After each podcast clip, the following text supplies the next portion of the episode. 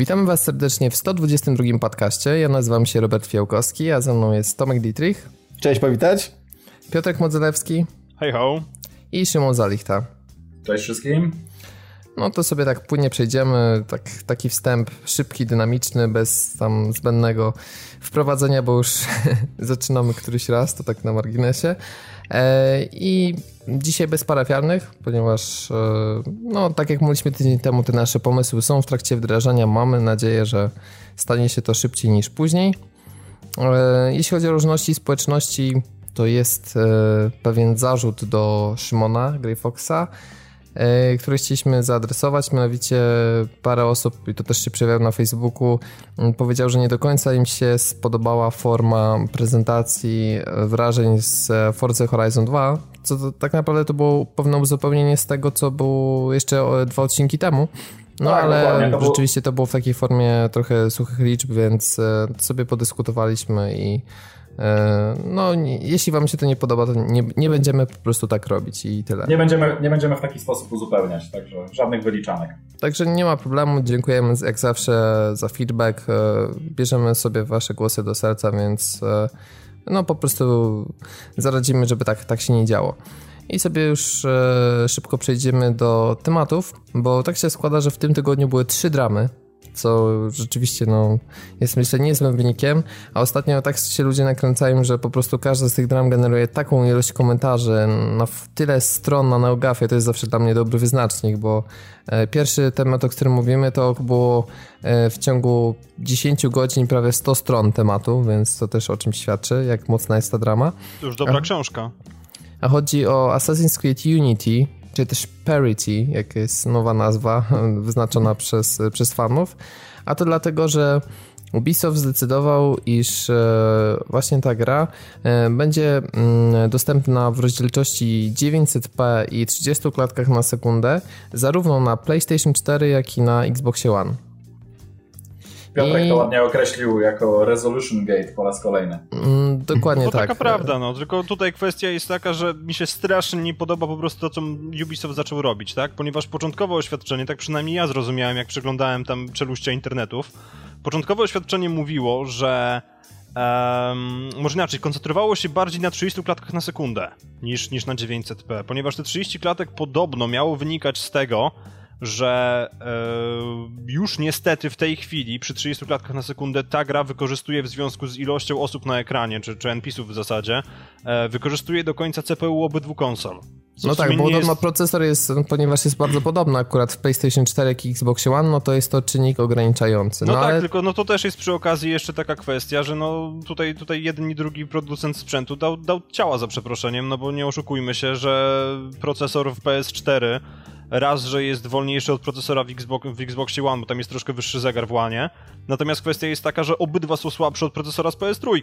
Więc no, ja naprawdę nie rozumiem. Ja rozumiem, jasne, oczywiście teraz więcej jakby zadań się wykonuje na grafice, no ale mimo wszystko, kurde, w momencie, kiedy robię nową konsolę, to nie wkładam do niej CPU, które jest dwa razy słabsze niż to, co było przez ostatnie 8 lat. No, to jest bardzo kontrowersyjne, tym bardziej, że to jest architektura, która jest przeznaczona do tabletów i, i laptopów, więc y, bardziej taka mobilna, no ale to już dyskutowaliśmy nieraz. To jest też kwestia pewnego podejścia, bo ja jakoś nie spodziewam się, że sztuczna inteligencja w Assassinie będzie po prostu tak genialna, że rzuci nas na kolana i rzeczywiście będziemy widzieli, że y, cała moc obliczeniowa procesora poszła na tym. Dla mnie znaczy, to jest typowo wydaje, PR-owa gadka, żeby po prostu na coś zwalić, no więc najłatwiej też. było na procesor. A mi się wydaje, że po prostu kwestia jest jeszcze taka, że postaci, te, te, te tam NPC po prostu, te całe tłumy na ulicy i tak dalej, które się pojawiają w Assassin's Creed, generalnie rzecz biorąc, mają tylko dwie komendy, to jest tłocz się i uciekaj. No, no generalnie fakt jest taki, że to jest sztuczny tłum i zawsze był i mimo, że teraz ma być niby więcej zachowań i oni mają jakiś tam realistyczny cykl, ale w sumie to mm, no nie wiem, może się dla ciekawości zmuszę do tego, żeby podążać za takim NPC-em i zobaczyć, co on robi ale no wątpię, żeby to było na taką skalę, jak w niektórych RPGach się udawało Nie, to, zrobić. to jest raz, natomiast no kwestia jest taka, że początkowo tłumaczyli się właśnie procesorem, natomiast później co już dla mnie po prostu jest szczytem głupoty, powiedzieli, że 30 klatek na sekundę pojawiło się w tej grze z tego względu, że zapewnia najbardziej filmowe doświadczenie. O, już słyszeliśmy To- tą gadkę. Co jest po prostu, no, dla mnie żałością. To jest et omnia vanitas, tak na dobrą sprawę. No, przepraszam bardzo, kurde. Grałem w The Last of Us przy 60 klatkach, grałem przy 30 i nie, przy 60 gra się o wiele lepiej gówno mi obchodzi filmować w tym momencie, tak na dobrą sprawę, ponieważ to po prostu pieści moje gałki oczne i gra się w większym komforcie. No, Ale przepraszam. mnie, mnie, tak zastanawia, mnie, mnie tak zastanawia czy, czy to rzeczywiście tak sprzęt się poci i rzeczywiście nie można z niego więcej wycisnąć, e, czy, czy to jest świadoma jakaś decyzja, bo zauważcie, zauważcie że ta tak dokładnie identyczna gadka wyszła przy okazji e, Order 1886. Oni też stwierdzili, że oni chcą bardziej filmowo i oni tą ilość klatek obniżą. Ale Także- wiesz co? E, Zauważ to jedną rzecz, że e, te nowe konsole mają jednak w pewien sposób architekturę dość zbliżoną do PC-ów. Dość zbliżoną! A już, ale posłuchaj, o co chodzi? Chodzi o to, no w zasadzie no, to jest PC zamknięty Tak, w, w, tak. w puszce, tak? Tak. E, wiesz, No chciałem fakt, jest delikatnie... unifikowana jednak pamięć dla Tak. grafiki i dla y, procesora, nie? To jest Tak, y, więc tutaj- taki największy wyróżnik.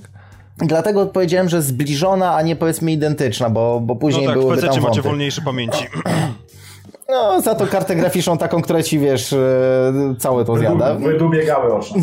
tak. I podwyższy rachunek za prąd.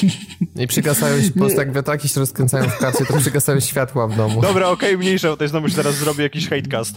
Wiesz co, nie, musi, nie muszą się wiatraki rozkręcać, bo u was te, te słabsze maszynki też tak hałasują. O, wypraszam sobie. Chyba ty. Nie no, to Dobra, wiesz, wracajmy do ja Assassina. mogę porównać. PlayStation 4 w najgłośniejszej wersji tym nijak się ma do rozkręconej karty, więc no ale to już rzeczywiście inna niż Wracając do Jakkolwiek. Assassina. E, Wracając do Assassina. E, No tutaj, tutaj jest taka sprawa, że oni przecież zawsze mieli problem z, optymi- z ogólnie z optymalizacją e, tej gry na PC-tach. Przecież zawsze były jakieś glicze, zawsze były e, rzeczy typu, nie wiem, wywalanie do systemu, coś nie chodzi, jakieś, jakieś poważniejsze błędy. Już nie mówiąc o tym, że ta gra była zawsze przesuwana, bo tutaj coś musieli dorobić, tutaj coś im nie wychodziło i po prostu to zawsze było. Więc ja mam wrażenie, że oni po prostu nie są przyzwyczajeni do robienia tego na, na PC-ty, czy też na architekturę y, PC-to podobną y, i mogli tutaj się troszkę, y, trochę na tym złapać, że wcześniej tamte konsole mieli już obcykane, natomiast, że PC-ty to chyba, nawet nie wiem, czy to oni robili, czy to jakaś zewnętrzna firma im nie robiła tych wersji PC-towych. Ale wiesz co, E, ja i nie teraz- kupuję tego, że na PS3, które jest tak trudne w programowaniu, No to właśnie, ogarnęli, to jest- a na dużo prostsze PS4 już nie potrafią. To jest ta kwestia. Poza tym nie oszukujmy się, że Xbox 360 też nie jest jakoś tak wybitnie konsolowy pod kątem, e, pod kątem tego skomplikowania, więc no myślę, że tutaj akurat ta wersja odpada. Znaczy zależy, zależy czy y, tutaj też nie ma kwestii takiej, że może po prostu się nie przyłożyli do całej tej optymalizacji. Y, Możliwe, że O, w właśnie to jest kwestia. Mi się wydaje, to że wiesz, chodzi. jednak ten cykl wydawniczy jest tak e, krótki Napięty. i zmiana, jaka się dokonuje dla serii w tym momencie tak duża, że po prostu muszą pewne kompromisy zostać zrobione. Nie mają czasu, żeby wypieścić e, technicznie grę.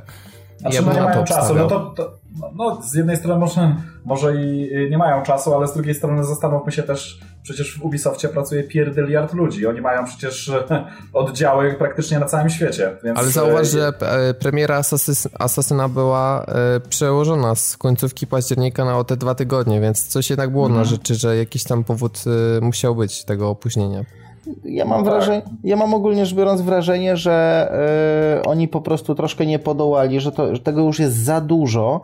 E, zbyt często to robią i oni się tam tłumaczą, że to inne zespoły, że to tak naprawdę e, jak jeden robi jednego asasina, to drugi robi drugiego i tak dalej, i tak dalej.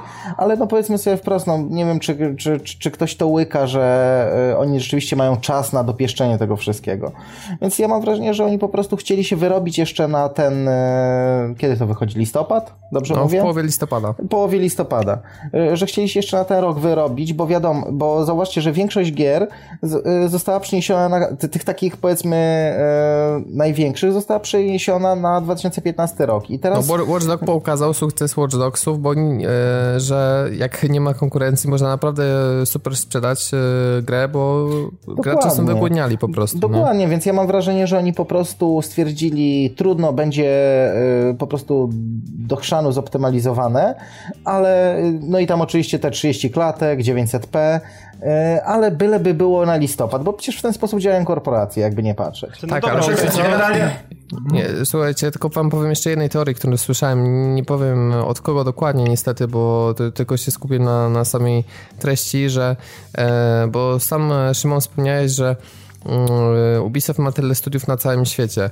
No i właśnie to też jest kwestia mm, koncepcji tworzenia gry, gdzie mm, każdy team zajmuje się jakąś wą- wąską częścią e, całego Asesyna i potem to jest wszystko wrzucane do kupy i potem sprawdzają, jak działa to na e, jednej czy drugiej konsoli. I właśnie oni na początku być może mieli mm, pewne założenia co do tego, że będzie to lepiej działać, a w momencie, kiedy wszystkie elementy zaczęły być nagle zbierane do jednego działającego kodu, no to, to wtedy wyszły problemy i było nagle zastanawianie się, co możemy Tak. zrobić, żeby jakoś to sensownie wypuścić i właśnie też e, łączy się z tym, co Tomek powiedział przed chwilą, czyli nie opóźniać jakoś przesadnie premiery i to też może być właśnie powód. Tak, po drugie, słuchajcie, jest jeszcze jedna rzecz, e, a konkretniej to, że jakby przy każdym projekcie, i to nawet nieważne, czy to jest gra, czy, czy inne rzeczy, e, to jest taka ogólna zasada, że jak, jak masz pewną liczbę ludzi, czyli na przykład, nie wiem, pięciu, dziesięciu, e, która pracuje nad jednym projektem, to do pewnego momentu zwiększanie liczby tych ludzi, którzy pracują nad danym projektem, y, przekłada się na szybkość, z jakim ten projekt stworzysz. Ale od pewnego momentu, y, choćbyś dokładał nie wiadomo ilu ludzi, to tego nie przyspieszysz. To jest tak, jakbyś na przykład, nie wiem, e, stwierdził, że będziesz budował budynek. To jeżeli, jeżeli, jeżeli na przykład weźmiesz, nie wiem, 10 ludzi do tego, no to będzie zbudowany w ciągu, załóżmy, nie wiem, roku, tak? Jeżeli weźmiesz pię- 20, no to będzie w ciągu pół roku, załóżmy. Ale już potem, jak na przykład weźmiesz 200, to, to się nie zwiększy tak, że nagle zbudują ci ten budynek w dwa tygodnie. Bo są rzeczy, które po prostu y, muszą trwać, nieważne ilu ludzi nad tym będzie pracowało, więc jakby sama wielkość studia też niekoniecznie musi oznaczać przyspieszenie prac.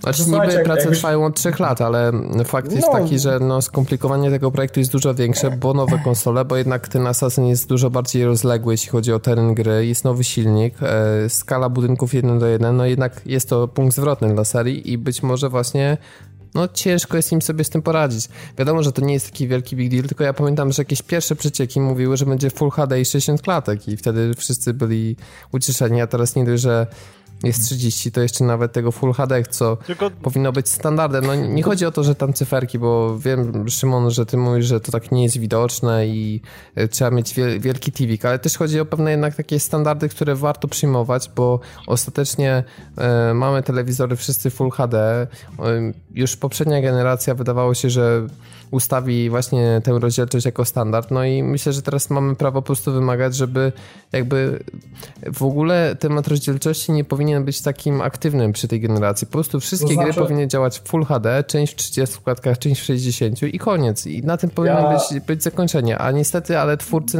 z jeszcze tymi swoimi tłumaczeniami to tylko dolewają oliwy do ognia, mam wrażenie. Ja powiem, ta, ja powiem tak, e, znaczy ja już wiele razy to mówiłem, jeszcze raz się tak naprawdę powtórzę, ale mm, e, oczywiście ja jestem jak najbardziej za tym e, i, i po- podpisuję się wszystkimi kończynami, że e, im wyższa ta rozdzielczość, im więcej klatek, tym na pewno lepiej, zawsze lepiej więcej, tak? Ale z drugiej strony też jest kwestia tego, jak my to postrzegamy, tak? Jak, jak odbieramy, jak działa nasza percepcja i powiem szczerze, że przy telewizorze 42 cali, który ja posiadam w domu, mm, ja nie widzę tych różnic. E, Dla mnie 1080p, a 900p, a 720p wygląda tak samo. Drugą sprawą, ja nie wiem, czy to do końca wynika z tego, z wielkości telewizora, czy z tego, że Xbox One po prostu upskaluje i tak. Nawet jak nie chcesz, to on ci tak upskaluje to i koniec, tak? I, i nie masz tutaj nic do powiedzenia.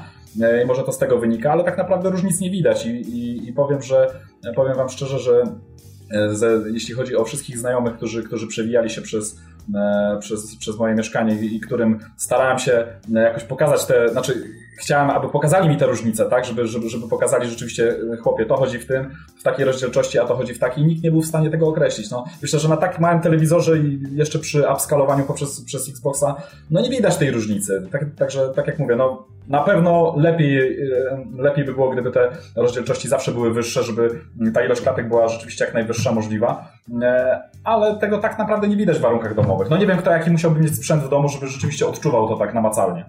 Zresztą to też zależy, e, moim zdaniem, jeśli już tak właśnie mówimy o tej rozdzielczości, moim zdaniem to dość mocno zależy od tego, jak dynamiczna jest gra i jak bardzo zmieniają się przede wszystkim kolory.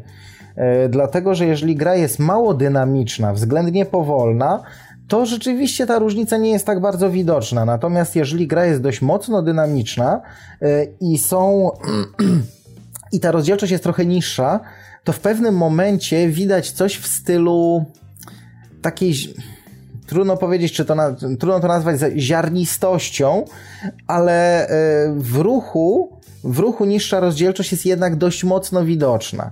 To, to jest tak zwany shimmering też, czyli na ostrych krawędziach pojawia się, że pływa obraz tak jakby trochę bardziej. Wiecie o co chodzi, nie? No to widzisz, to chyba jest to, co, to, to, co chciałem powiedzieć, to tylko jeśli, tak, nie to, to się fachowo nazywa shimmering. No. no ja, ja, ja, wam, ja, wam, ja wam powiem, podam tylko jeden przykład. E, na tym samym telewizorze był testowane, było testowane Destiny na dwóch konsolach, e, czyli 1080p w Destiny z PS4 i 700, e, przy becie oczywiście, tak? Mówię tutaj o mm becie. I 720p na Xboxie One i powiem 900p. Szczerze, a nie 720. Nie, nie beta, beta działała w 900. Okej, okay, a to przepraszam, to pomyłka. No ale różnicy mówię, że nie ale, było ale, ale, ale różnic, różnicy nie ma absolutnie żadnej. Nie było, nie wiem, przynajmniej ja znaczy, no nie, wiesz, no, nie, posi nie, posiadam takiego aparatu, tak, zmysłu, y, abym był w stanie tutaj cokolwiek znaleźć. Podejrzewam, że oczywiście z jakąś tam może lupą, z najechaniem na, na jakąś tam część ekranu, y, po jakimś tam dosyć dużym powiększeniem, no być może można by było coś tam wychwycić, tak, ale y, tak gołym okiem z 2,5 metra przy, e, przed, przed telewizorem z odległości, z jakiej siedzę, no, no, nie ma takiej możliwości, no nie ma takiej opcji. Ale słuchajcie, e, tak z drugiej strony mówiąc, ja oczywiście wiem, że nie wiem, Assassin to jest e, w pewnym sensie sandbox, znaczy no Dobra, powiedzmy, że to jest sandbox. No jest typowy, no. Znaczy wiesz, moim zdaniem akurat to jest raczej po prostu otwarty świat.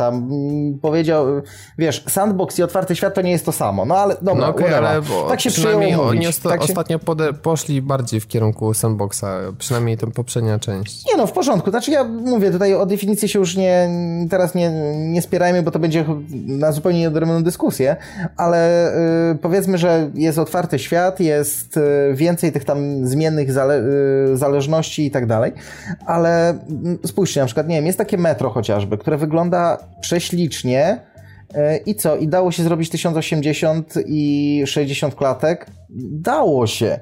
E, a powiedzmy sobie, jak tak zerkniemy na tego Assassina, on oczywiście no jest ładny, ale do metra to on się raczej nie umywa. No tak, tylko że no, porównać więc... to do gry, która wiesz, jest, rozgrywa się w metrze i ma wiele korytarzy, a tutaj masz y, olbrzymi skali No dobra, ale jeden panowie, no w świat. takim razie, skoro, skoro już tutaj mówimy o piaskownicach i tak dalej, no to nie można zapominać, że to jest prawda ekskluzyw, tak? Nie oszukujmy się, że mieli lata na optymalizacji praktycznie, ale no Infamous Second Son działa w Full HD, działa w powyżej 30 klatkach, bo tam można sobie ewentualnie to zbić do tej 30.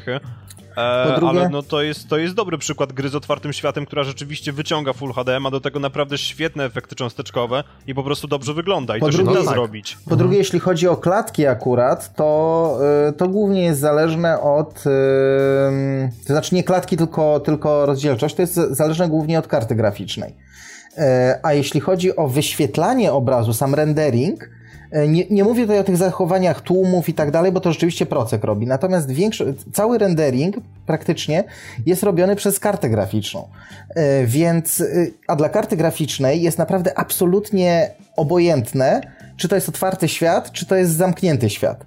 I na przykład jak mam, nie wiem, Metro Last Light, na, na, nawet te etapy na powierzchni, które wyglądają naprawdę super, to dla karty graficznej to, czy to jest metro, czy, y, to, znaczy, czy to jest, y, tam jest rzeczywiście otwarty świat, czy pseudo-otwarty świat, y, to absolutnie nie robi różnicy, a jednak twórcy metro potrafili to zrobić, Natomiast twórcy Assassina już nie. Nie no, ale słuchaj, Ubisoft robi słabe silniki generalnie, dlatego że E, no jakby no. nie patrzeć, Watch Dogs też y, nie powala graficznie na kolana, a też jest 900p na A widzisz, więc w zasadzie doszedłeś do w zasadzie, w zasadzie doszedłeś do konkluzji. Ubisoft po prostu robi słabe silniki, kiepsko zoptymalizowane i nie ma to znaczenia, czy tam są jakieś, nie wiem, mechanizmy, sranizmy, tylko po prostu no, chłopaki Słuchajcie, zoptymalizowali. Słuchajcie, tylko wydaje mi się, że trochę zjechaliśmy z e, tematu, bo generalnie cała drama rozbija się o to, że Ubisoft e, wyskoczył tutaj z taką informacją, że obie wersje na obie konsole nie będą się różniły. Mowa tutaj o PS4 i Xboxie One.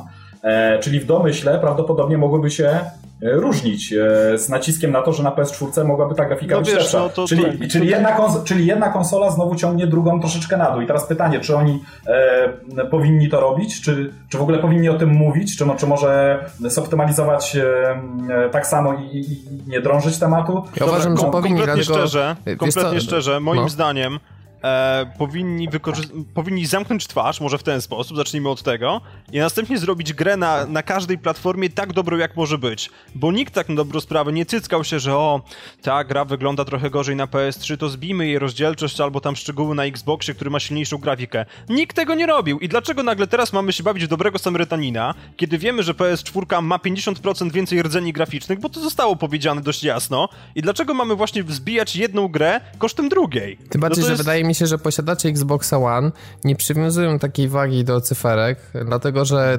decydując się na tą konsolę, to siłą rzeczy musieli y, przyjąć do faktu, y, czy przyjąć do wiadomości to, że gry działają generalnie w niższych rozdzielczościach niż na PS4. I myślę, że spora że... część może nie widzieć tych różnic, tak jak mówisz. Szczególnie, szczególnie, że mogę tutaj potwierdzić, że tak powiem, na własnej skórze. Znam to z autopsji, tak naprawdę mówię, Xbox upskaluje gdzieś tam po swojemu tą grafikę i do tych różnic tak nie widać, tak? Znaczy, no, no mówię, jeśli ktoś ma ekran kinowy w domu, no to, to prawdopodobnie będzie miał problem i może to ale jakoś no, odczuje, wiecie, ale w zwykłych warunkach domowych nie ma naprawdę problemu. No tak, ale tylko skończąc myśl, jak już ktoś się decyduje na PlayStation 4, na przykład dla mnie głównym argumentem było to, ponieważ ekskluzywy yy, od Sony w tej generacji jakoś szału wielkiego nie robią, to zdecydowanie yy, większą uwagę przywiązuję do multiplatform i chciałem taką konsolę, na której będą działać lepiej, to bo wychodzę z założenia, że gry na obu konsolach kosztują tyle samo, konsole też w sumie teraz tak naprawdę kosztują tyle samo, no to jeśli mogę mieć yy,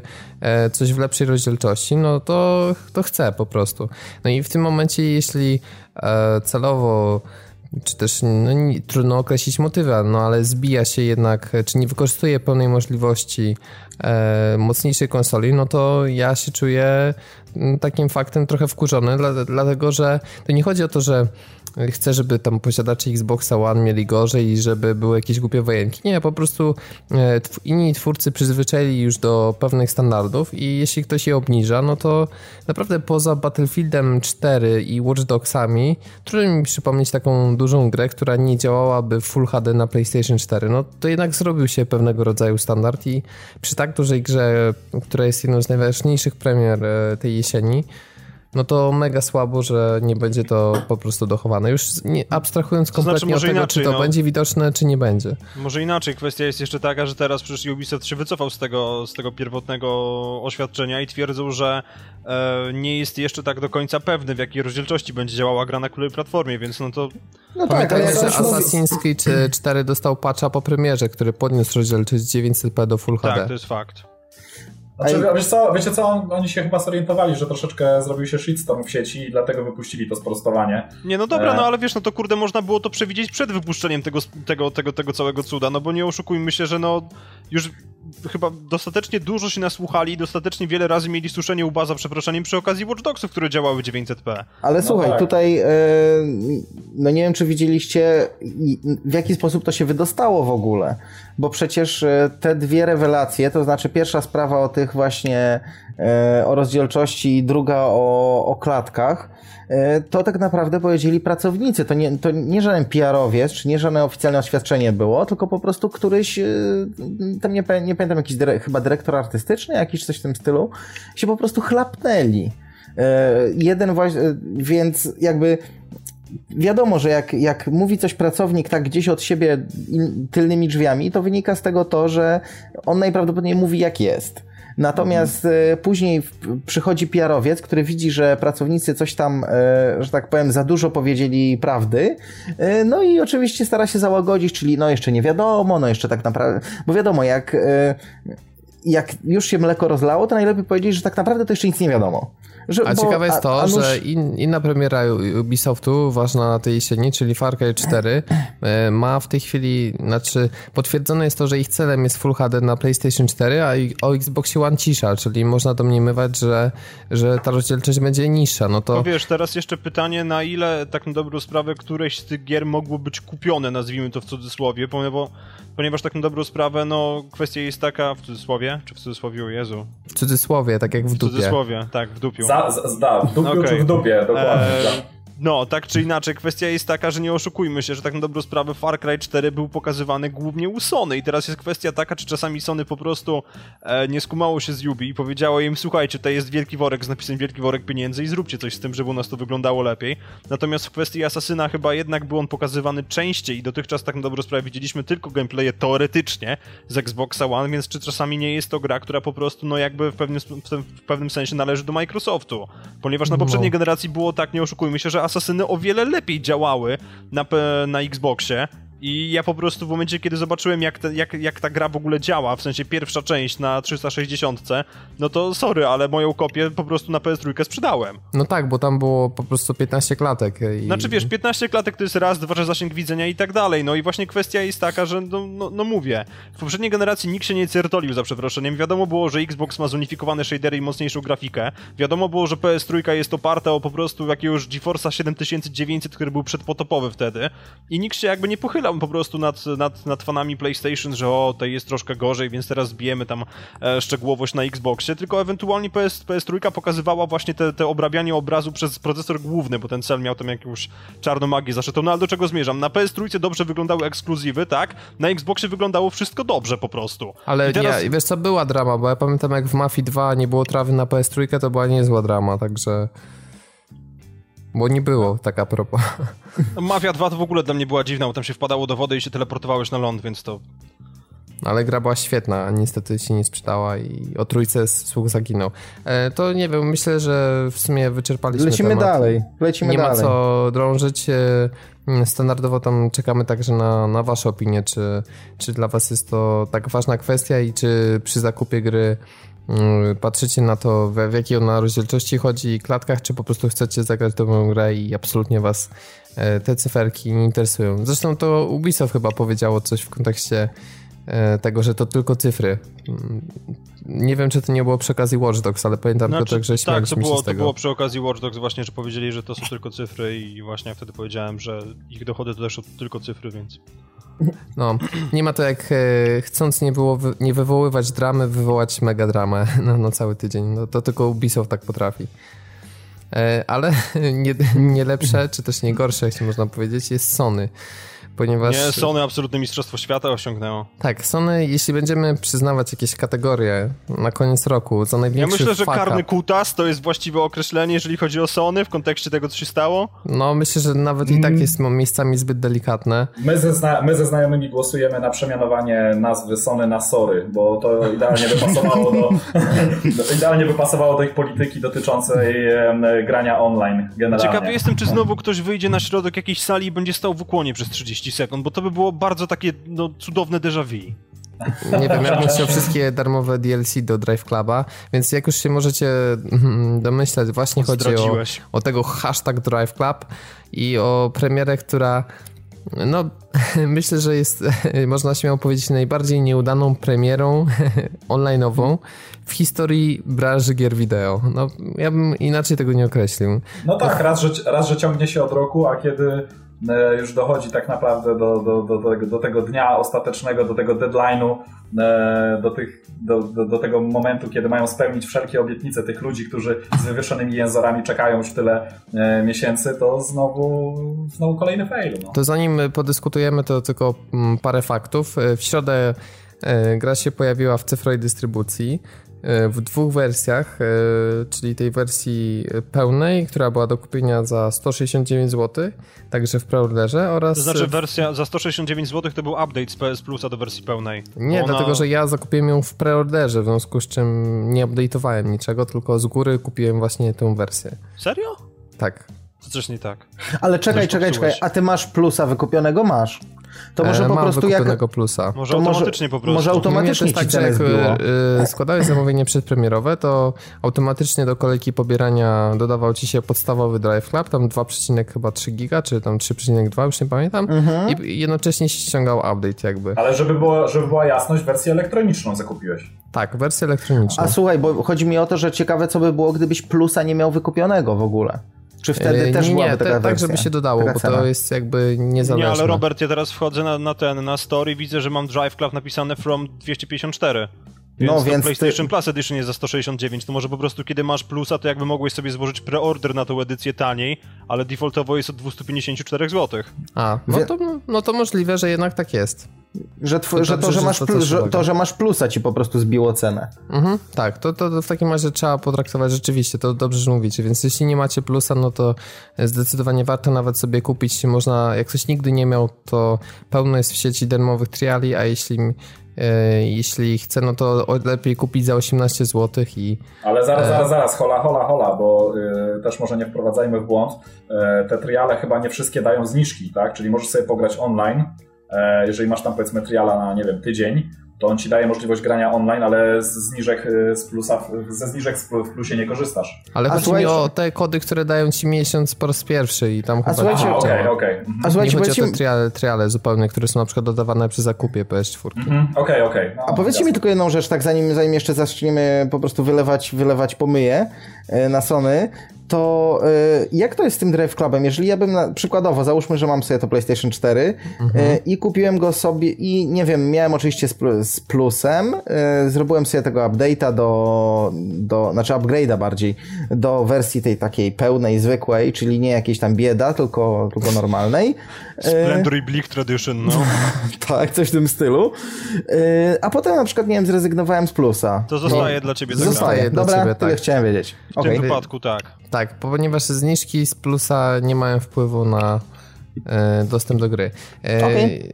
Tylko wiadomo, przypisuje ci się do konta i tak dalej, to wszystkie No w jasne, cyfrowej dystrybucji. E, No więc e, zakupiłem w preorderze właśnie tę wersję cyfrową za 169, to się pobrało, był pre-download, też myślałem, że z problemami, bo e, pobierała mi się tylko ta zwykła wersja, ale okazało się, że po prostu bez, żadnej, bez żadnego powiadomienia dociągnęło się pozostałe e, 14 giga danych. To znaczy powiedzmy sobie wprost, że jeżeli chodzi o zarządzanie tym, co jest aktualnie ściągane, to PS4 stanowi jakiś kiepski żart, więc to No, to, to, jest to, po krok wstecz w stosunku do To jest krok PS3. wstecz, ponieważ wszystkie pliki zaczynają ci się ściągać jednocześnie, to jest raz, dwa, że nie możesz zapauzować ewentualnie któregoś, trzy, że tam chyba nawet nie ma jakoś za bardzo pokazanego, jaka jest wielkość danego downloadu, więc to, to jest w ogóle dla mnie jakaś porażka. No to tak na marginesie, bo nastroje wokół Sony są jakie są. Yy, No i yy, zdaje się, że to też w środę, bo ja dokładnie aż tak tego nie śledziłem. Pojawiła się ta wersja PlayStation Plus Edition, yy, która tam miała dać dostęp do, zdaje się, jednej lokacji, pięciu torów, czy pięciu samochodów, już teraz nie powiem. No generalnie można powiedzieć... Jedna tak- tak- lokacja, pięć torów, 11 samochodów tam chyba było, ale głowy nie dam, bo to też tak No takie, można Takie powiedzieć, demo. de- demko. Tak, to jest gloryfikowane demo, tego się inaczej nie da określić. To jest coś jak GT5 Prolog, tylko że tańsze, Mhm. bo za darmo. No, czy w ramach abonamentu. No. Czyli nie do końca tak za darmo. Tak czy siak e, ta wersja powiesiała w e, sklepie Sony tylko, nie wiem, kilka czy kilkanaście godzin, ponieważ, e, no co też nie jest dziwne, ludzie masowo wzięli się za ściąganie tej wersji, a trochę tych abonentów plusa jest, bo jest to teraz usługa wymagana do multi. No i serwery totalnie się wykrzaczyły na tyle mocno, To że... znaczy, nie, nie, nie, chwileczkę, to, to, to mówisz teraz o czym innym, ponieważ serwery tak na dobrą sprawę nigdy na premierę nie wstały, mi się wydaje. Nie no, bez przesady. One, Ja one... nie, słuchaj, ja pamiętam, że one e, wieczór, we wtorkowy wieczór zostały wyłączone i nie przypominam sobie, żeby kiedykolwiek wstały. One po prostu, to tak jakby ktoś włączył serwery, a za chwilę nastąpił DDoS taki zmasowany na nie, bo, bo, tak to wyglądało. No, już, nie, no bo kwestia jest taka, że my w poniedziałek wieczorem graliśmy jeszcze właśnie po sieci. E, natomiast no, pamiętam, że we wtorek jeszcze bodajże rano przed zajęciami sobie odpaliłem na krótką rundę, ale później po prostu one już chyba zostały wyłączone i umarły. Tak, ta, tak mi się przynajmniej wydaje. Głowy w tej chwili nie dam. Natomiast no, nie wiem, czy one kiedykolwiek wstały, tak na dobrą sprawę. no Czyli w może- sumie myślę, czyli- że mało kto pograł. No kwestia jest taka, że ludzie masowo się wzięli się za ściąganie tej wersji plusowej, co oczywiście spowodowało duże problemy z działaniem samego PSN-u, PS Store'a, no ale serwery Drive Club cały czas e, nie działały. I co ciekawe, teraz mamy niedzielę wieczór, e, 12 października i one dalej nie działają, także e, to sobie dzisiaj o grze powiemy parę słów, e, parę też gorzkich na pewno, no ale o multiplayerze to za wiele wam nie powiemy, chyba, że tam To Piotr znaczy, coś wiecie, ja, ja, ja powiem wam wprost, że tak na dobrą sprawę fakt, że serwery do multi nie działają, to nie jest najgorsza rzecz na świecie, ponieważ te multi jest po prostu tak wielkim burdelem, takim, takim, no, to jest jeden wielki chaos. Później pojawił się pan Ku, tak naprawdę, tylko tego brakuje. Więc no, sorry, ale tutaj, jeżeli chodzi o samą rozgrywkę multi, to niewiele tracimy, tylko strasznie wkurzające jest to, że cała idea klubu, wokół której została zbudowana ta gra teoretycznie, nie działa. E, leży po prostu totalnie, ponieważ bez dostępu do sieci nie możesz się zapisać do klubu i, i, i po prostu gromadzić dla niego punktów, więc ten klub nie może levelować, nie może się rozwijać. A co gorsza, tylko... wiele samochodów jest uzależnionych znaczy, no, niewiele, od twojego... Ich jest, ich jest jeden na klasę bodajże, no ale to mimo wszystko, no to, to już powiemy o tym, że to z balansem rozgrywki troszkę miesza. Właśnie, ale teraz jakby jedna, chciałbym... je, je, mhm, no, jedna, jedna, jedną rzecz tylko chciałem, bo nie wiem, czy nie powinniśmy tego rozgraniczyć. E, generalnie powiedzcie, jeżeli, jeżeli mówię jakieś głupoty w tym momencie, ale wydaje mi się, że e, powinniśmy to rozgraniczyć na tej zasadzie, że z serwerami do grania online e, dał ciała producent gry, a e, Sony dało ciała tak naprawdę tylko i wyłącznie z zablokowaniem e, możliwości ściągnięcia tej wersji plusowej. No dobra, no ale wiesz, Evolution Studios od czasów PS2 jest deweloperem first party praktycznie, więc mi się wydaje, że w momencie, kiedy mieli jakiś problem, to mogli powiedzieć, hej Sony, dorzućcie nam serwerów na przykład, że coś w tym stylu, więc... Ale tak, podobno tak, to jest tak, kwestia tak, jakichś software'u z serwerami, no przynajmniej tak, tak twierdzi tam główny producent gry. E, ale właśnie jakby kontynuując tą historię, e, zaczęło się masowe ściąganie tej wersji Plus Plusa. E, serwery oczywiście nie działały, były problemy też z działaniem samego PSN-u. Została więc wycofana możliwość pobierania tej wersji PS Plus Edition ale cały czas została pozostawiona ta wersja płatna z tym upgrade'em. E, no i od e, środy, od premiery już te kilka dni serwery nadal nie działają, a jak już Piotrek wspomniał, cała idea gry się wokół tego mm, e, toczy, no i też mamy ograniczony dostęp do niektórych elementów gry, takich właśnie jak samochody jedną, jeden na klasę. E, no i cóż, no frustracja sięgnęła zenitu, dlatego że to, to był coś, co miało reklamować tego plusa. Bardzo wiele osób, nie wiem, czy przedłużyło, czy właśnie wykupiło abonament specjalnie po to, żeby sobie ten Drive Club ściągnąć, żeby obadać i ewentualnie zupgrade'ować do tej pełnej wersji. No i takiej możliwości nie mają, a z kolei osoby takie jak ja czy Piotr, które mają pełną wersję, również są sfrustrowani, ponieważ nie możemy sobie pograć e, czy to po sieci, czy po prostu nabić punkty dla klubu, co ma być sensem tej gry, no bo po prostu serwery nie działają. No i naprawdę chciałbym tutaj jakoś to na chłodno skomentować, ale się nie da. No Sony po prostu dało tak, tak bardzo dało dupy, że aż ciężko jest to ubrać w jakiekolwiek słowa. No i to jest to dla nich najważniejsza premiera. Jest to pierwsza ścigałka poważna na PlayStation 4 i nagle po prostu trafia się taki potężny fuck up serwerami, no że, że to naprawdę jest ciężko cokolwiek powiedzieć. Jest po prostu dramatycznie beznadziejne. Jest... To, znaczy to, jest, to znaczy to jest tak jak Piotr mówi trochę.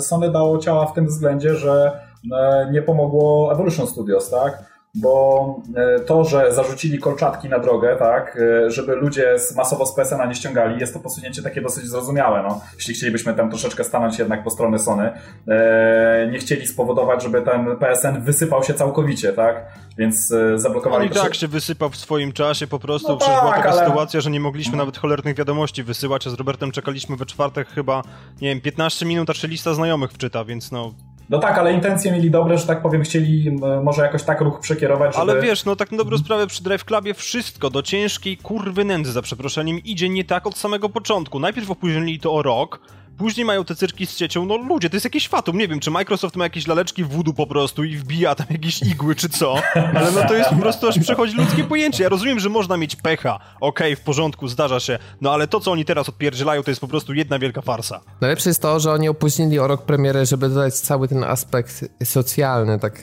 Tak, żeby się. dodać warunki pogodowe. Który, no, aspekt socjalny nie działa, bo, bo nie działają serwery, a warunki pogodowe i photomode będą w DLC.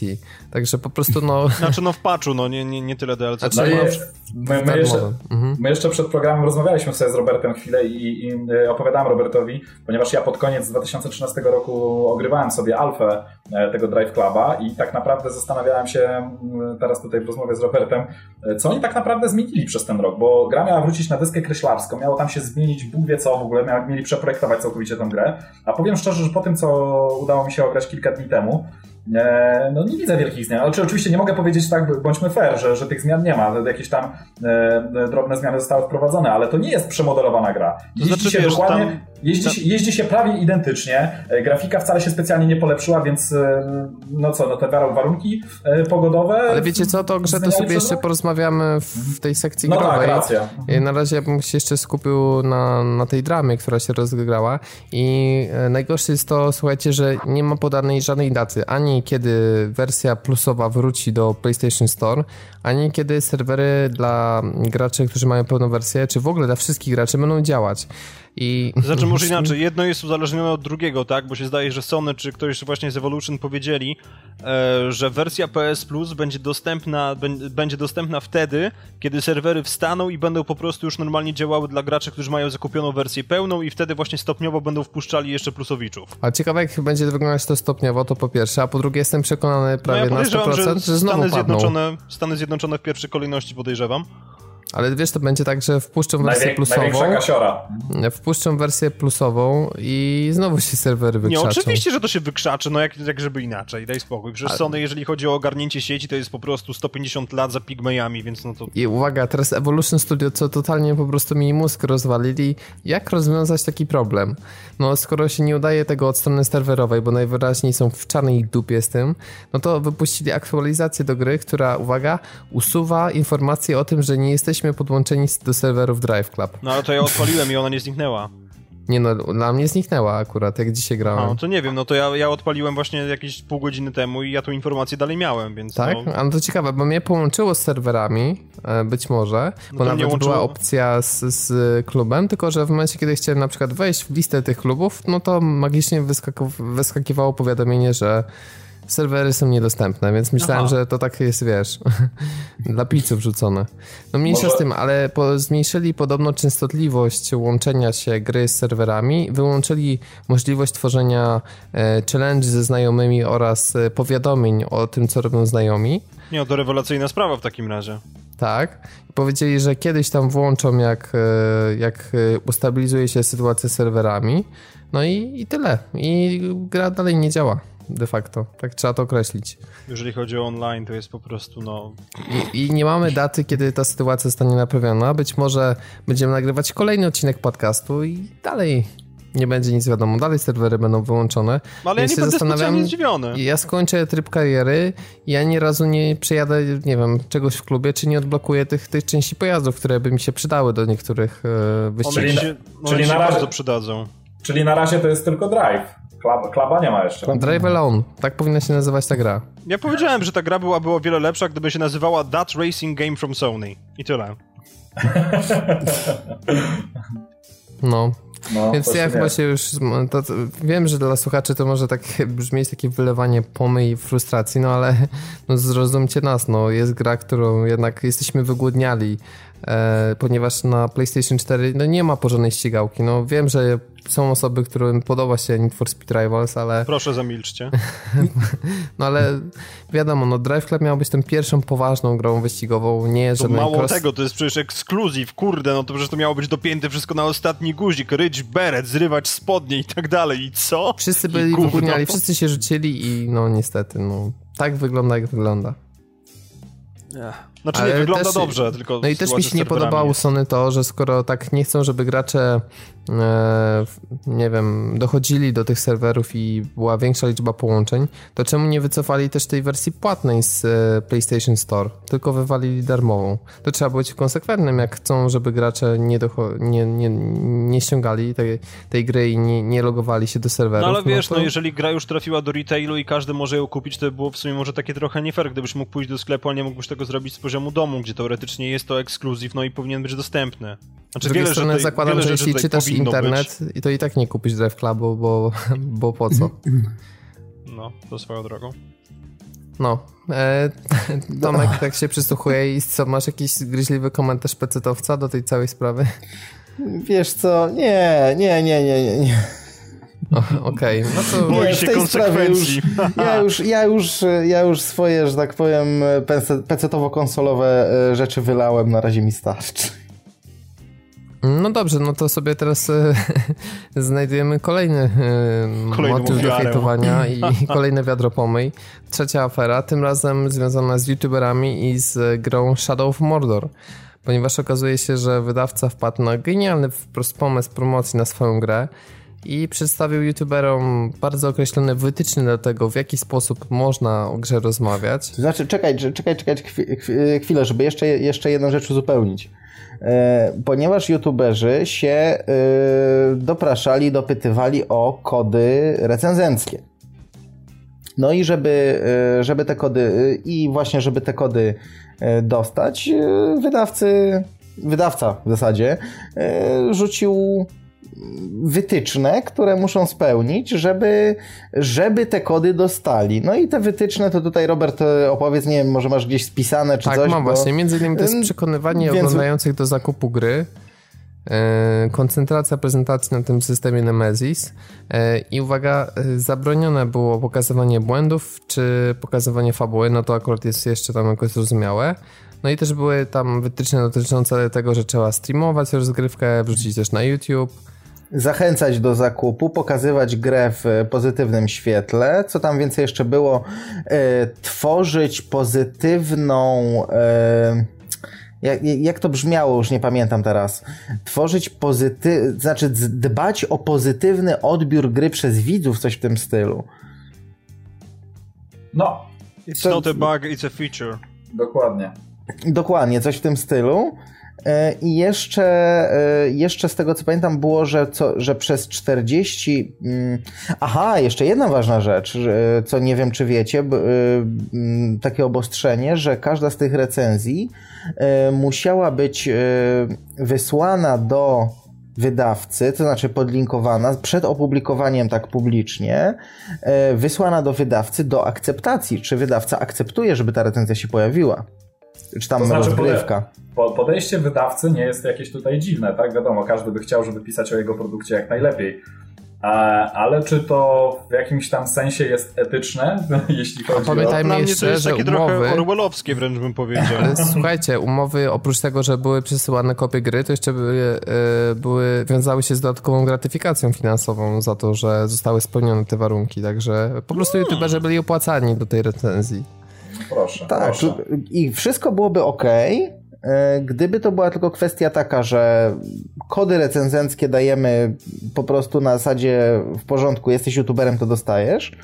E, a z częścią youtuberów chcieliby podpisać właśnie umowę o taką, e, o promocję. I oczywiście e, przydałoby się informacja, że to jest materiał sponsorowany, a nie, że a nie, że to jest rzetelna recenzja, no ale tutaj to myślę, że... Akurat, akurat to było, wiesz, bo było w wymaganiach, żeby oznaczyć ten materiał. A widzisz, no to, to, to, to akurat okej. Okay. Natomiast E, to, co tutaj moim zdaniem jest zupełnie karygodne i po prostu należy się, to, to nie karny kutas, tylko po prostu wielki karny, co, a dobra, mniejsza, mniejsza z tym. Wszyscy znowu, wiemy, co chciałeś powiedzieć. Bo znowu wszyscy powiedzą, że, że tutaj jestem jedynym, który rzuca mięchem, więc, więc dobra, pominie, pominijmy tą, tą rzecz. Ale chodzi o to, że jakby wysyłanie tych kodów recenzenckich było uzależnione właśnie od tego, czy, e, czy youtuber się zgodzi na takie obostrzenia, czy nie. I to jest moim zdaniem największy, największy problem. Bo samo znaczy, to... Wie, wiecie no? co, w ogóle ja się tak zastanawiam, czy to nie jest jakieś takie dmuchanie, swoiste dmuchanie na zimne, E, z ich, ze strony producenta, dlatego że no, kilku moich znajomych zakupiło grę, już to mocno ograło, chyba ktoś tam nawet skończył. Mhm. E, ja na razie nie słyszałem jakichś, niepo, jakichś nieprzychylnych tam No właśnie to jest tym gry. bardziej dziwne, ponieważ takie zabiegi są zwykle popularne w momencie, kiedy wiadomo i, i to już od samego początku, od momentu, że ma, kiedy... Że ma wyjść jakiś kupształ. Tak, no. że wyjdzie tak. po prostu jeden wielki krab i wiesz, i tutaj jest po prostu jakieś czarowanie robione, że o tej kopie recenzenckie zostaną wysłane później, embargo schodzi w dniu premiery i tak dalej, a tu wychodzi naprawdę bardzo fajna gra, która na dodatek jeszcze z tego co widziałem świetnie działa, ma dobry feeling i jest określana przez wielu mianem Assassin's Creed dla purystów osadzonym w świecie Władcy Pierścieni, który jest przecież genialny, bo nie oszukujmy się, że Tolkien był geniuszem, więc to jest po prostu jakaś paranoja jedna wielka, bo chcąc poprawić sytuację, tylko sobie zaszkodzili, ponieważ poszła, poszła drama, no i wiemy o tym, tak? Ale nie wiedzieli o tym, jak będzie gra odbierana, chyba mam wrażenie, wydawca nie spodziewał się tak pozytywnego Wiesz co, odbioru dobra, przez no, recenzentów. Wydawca może i się nie spodziewał, ale tak na dobrą sprawę wydaje mi się, że ludzie, którzy tworzą tą grę, też grają w inne gry i oni sami mogli zagadać, powiedzieć, słuchajcie, stworzyliśmy coś naprawdę dobrego. To nie jest chyba jakieś strasznie trudne do określenia. No Ale dokładnie. wiesz jak to w korporacjach, zabrakło porozumienia między tą zewnętrzną Gdzie firmą PR-ową, która to organizowała, Warner Bros. wydawcą, no i twórcami gry, czyli Monolith, tak? No tak, ale... Ja nie wiem, mi jest, mi jest strasznie szkoda, ale nie zmienia to faktu, że tą grę najpewniej kupię. Ja, ja zresztą też. Po tak pozytywnych opiniach e, znajomych nie, nie, nie. Znaczy, Ej, a mnie zastanawia ta gra, bo ona akurat na filmikach wygląda strasznie drętwo i słabo, a z kolei wszyscy co grali to po prostu wychwalają pod niebiosa. No mnie to, mnie to też troszeczkę zdziwiło, bo e, ludzie wychwalali, dawali po prostu, przecież ja widziałem na przykład oceny w necie, że niektórzy na przykład, nie wiem, oceny typu 9,5 na 10, mówię, kurczę, co to jest, po prostu e, o co chodzi, e, po czym włączam filmik i tak, no no, no, no fajne to to niby, ale tak, tak jakoś tyłka nie urywa i nie wiem, ale czy to niektóre może... gry tak mają, że zyskują przy bliższym poznaniu i przy jednak zagraniu, więc... Tak, e, właśnie dlatego mówię, że nie wiem, nie wiem gdzie tu jest problem, czy to jest kwestia, znaczy problem, e, czy chodzi o to, że po prostu e, rzeczywiście dopiero jak zagrasz, to czujesz... Dobra, panowie, jeszcze tak wracając na chwilę do kwestii ocen, na chwilę obecną jest to najwyżej oceniana nowa gra, która jest dostępna na Metacriticu znaczy, na głównej. Słuchajcie, pa, słuchajcie panowie, bo wydaje mi się, że z nas wszystkich tylko ja położyłem łapę chociaż na chwilę na tej grze, bo ja spędziłem z nią kwadrans. I e, powiem No, szczerze, to masz tak... materiał do wypowiadania się, słucham recenzji. Nie, nie, nie, to nie będzie żadna recenzja, mogę powiedzieć tylko tyle, że jeśli chodzi o oprawę, grałem, e, muszę zaznaczyć, że grałem u znajomego na PS4, oprawa jak, jakoś nie jest powalająca, świat nie jest jakiś um, napchany detalami, ponieważ wydawał się momentami pusty, e, ale gra się bardzo przyjemnie, szczególnie ten system Nemesis. Tych, tych Nemesis, tak, tak, tak. Tych, z tymi dowódcami to jest naprawdę genialny temat i, i bardzo chętnie się za, za, zagłębię w, w, w, mocniej w tą rozgrywkę, kiedy tylko sam zakupię własną wersję. No a wiem, że na pewno zakupię, dlatego że czuję się bardzo zachęcony poprzez recenzję znajomych. Także oprawa, oprawa może nie, ale no wiadomo, no nie, nie tylko oprawą Człowiek żyje. się kręcę. No, nie, ja mówiłem o tym, że Drentfo wygląda, bardziej mi chodziło trochę o animację i no, gameplayowo, ale to już jest inna kwestia. Na pewno wolałbym też e, ograć i dopiero się wypowiedzieć. To lecimy sobie do kolejnego newsa, e, tym razem z rodzimego podwórka, bowiem dostaliśmy od samego źródła, czyli od Adriana Chmielarza, informację za pośrednictwem Twittera, że sprzedało się w pierwsze dwa tygodnie 50 tysięcy sztuk e, Devanishników Ethan Carter polskiej wersji Zaginięcie Etana Cartera. I pytanie do Was, czy sądzicie, że to jest e, wynik dobry, czy też zły? Bo ja z góry mówię, że będę go bronił i mam parę argumentów, ale słyszałem, że wy uważacie, że to jest słabiutko i w ogóle klapa, porażka To znaczy, i znaczy nie, nie, nie, nie, nie do końca, y, bo Adrian Chmielarz powiedział coś takiego, że on przeczuwał, to znaczy przeczuwał, przewidywał, miał w jakichś tam założeniach, y, że te 50 tysięcy sprzeda się w miesiąc, a nie tam w dwa tygodnie. E, no i, no i fajnie, jeżeli to, jeżeli to jakby przekracza jego oczekiwania, no to, to super. To znaczy, że gra się sprzedaje lepiej niż chciał, lepiej niż to przewidział i tylko się cieszyć i przyklaskiwać. Natomiast, e, no po pierwsze, 50 tysięcy sprzedanych sztuk, jak na e, taką, jak na grę, która nie jest skierowana tylko na przykład, nie wiem, na rynek polski, czy do jaki, na jakiś taki bardzo wąski rynek, E, no to jest troszeczkę lipa. Bo na przykład, no nie wiem, weźmy takiego, ja wiem, że ten przy, przykład bardzo często podaję, ale cóż, Weźmy takie Legend of Grimrock, które jest e, bardzo, jest kierowane do bardzo wąskiej grupy odbiorców, bardzo specyficzne. E, nie mówiąc już o tym, że jest bardzo indie, a się sprzedało 600 tysięcy sztuk. E, fakt, że w ciągu roku, ale no jeżeli... No ale wiesz, czy, czy, czy możemy Ethana wliczać jako fenomen, bo podejrzewam, że w momencie, kiedy jest 600 tysięcy rocznie, no to można to podpiąć po prostu pod kategorię fenomenu, no i wtedy ale to jest słuchaj, zrozumiałe. Ale słuchaj, y, Grimrock jest, był to była gra tak specyficzna, że yy, naprawdę tutaj trudno by było mówić o jakiejś wielkiej sprzedaży. To, to była raz, że gra skierowana do, taki, do miłośników, yy, to znaczy takich mega oldschoolowców, do graczy, którzy pamiętają te wszystkie, nie wiem, Eye of the Beholder i inne tego typu rzeczy. To, to, jest mega nisza, a się sprzedało 600 tysięcy sztuk, a jednak Ethan Carter po pierwsze był znaczy on też znaczy i, i Ethan Carter i Grimrock nie miały jakiejś specjalnej reklamy. No, e, Ethan Carter miał troszkę większą, powiedzmy, tą reklamę ale niż, to niż tylko Grimrock. w polskich mediach, ale na zachodzie z tego, co mi się wydaje, to nie miał żadnej praktycznie. Ale to tak samo jak Grimrock. Grimrock też nie miał. Natomiast jakby Ethan Carter był grą, która sama w sobie e, jest bardziej przystępna dla, e, dla takiego powiedzmy mainstreamowego odbiorcy. To nie jest jakaś gra bardzo bardzo, spe... znaczy to jest gra specyficzna, ale nie jest to taka, taka kompletna niszówka. To jest jednak mimo wszystko przygodówka. Mimo wszystko e, ta gra ma na przykład świetną grafikę, którą też może ludzi przyciągać. Uważam, że 50 tysięcy sztuk, jak na przede wszystkim tak dobrą grę, bo to jest naprawdę świetna produkcja. Jak na tak świetną produkcję, 50 tysięcy sztuk to jest żenująco nisko. E... Ja wam powiem tak, e, jeśli mogę wtrącić.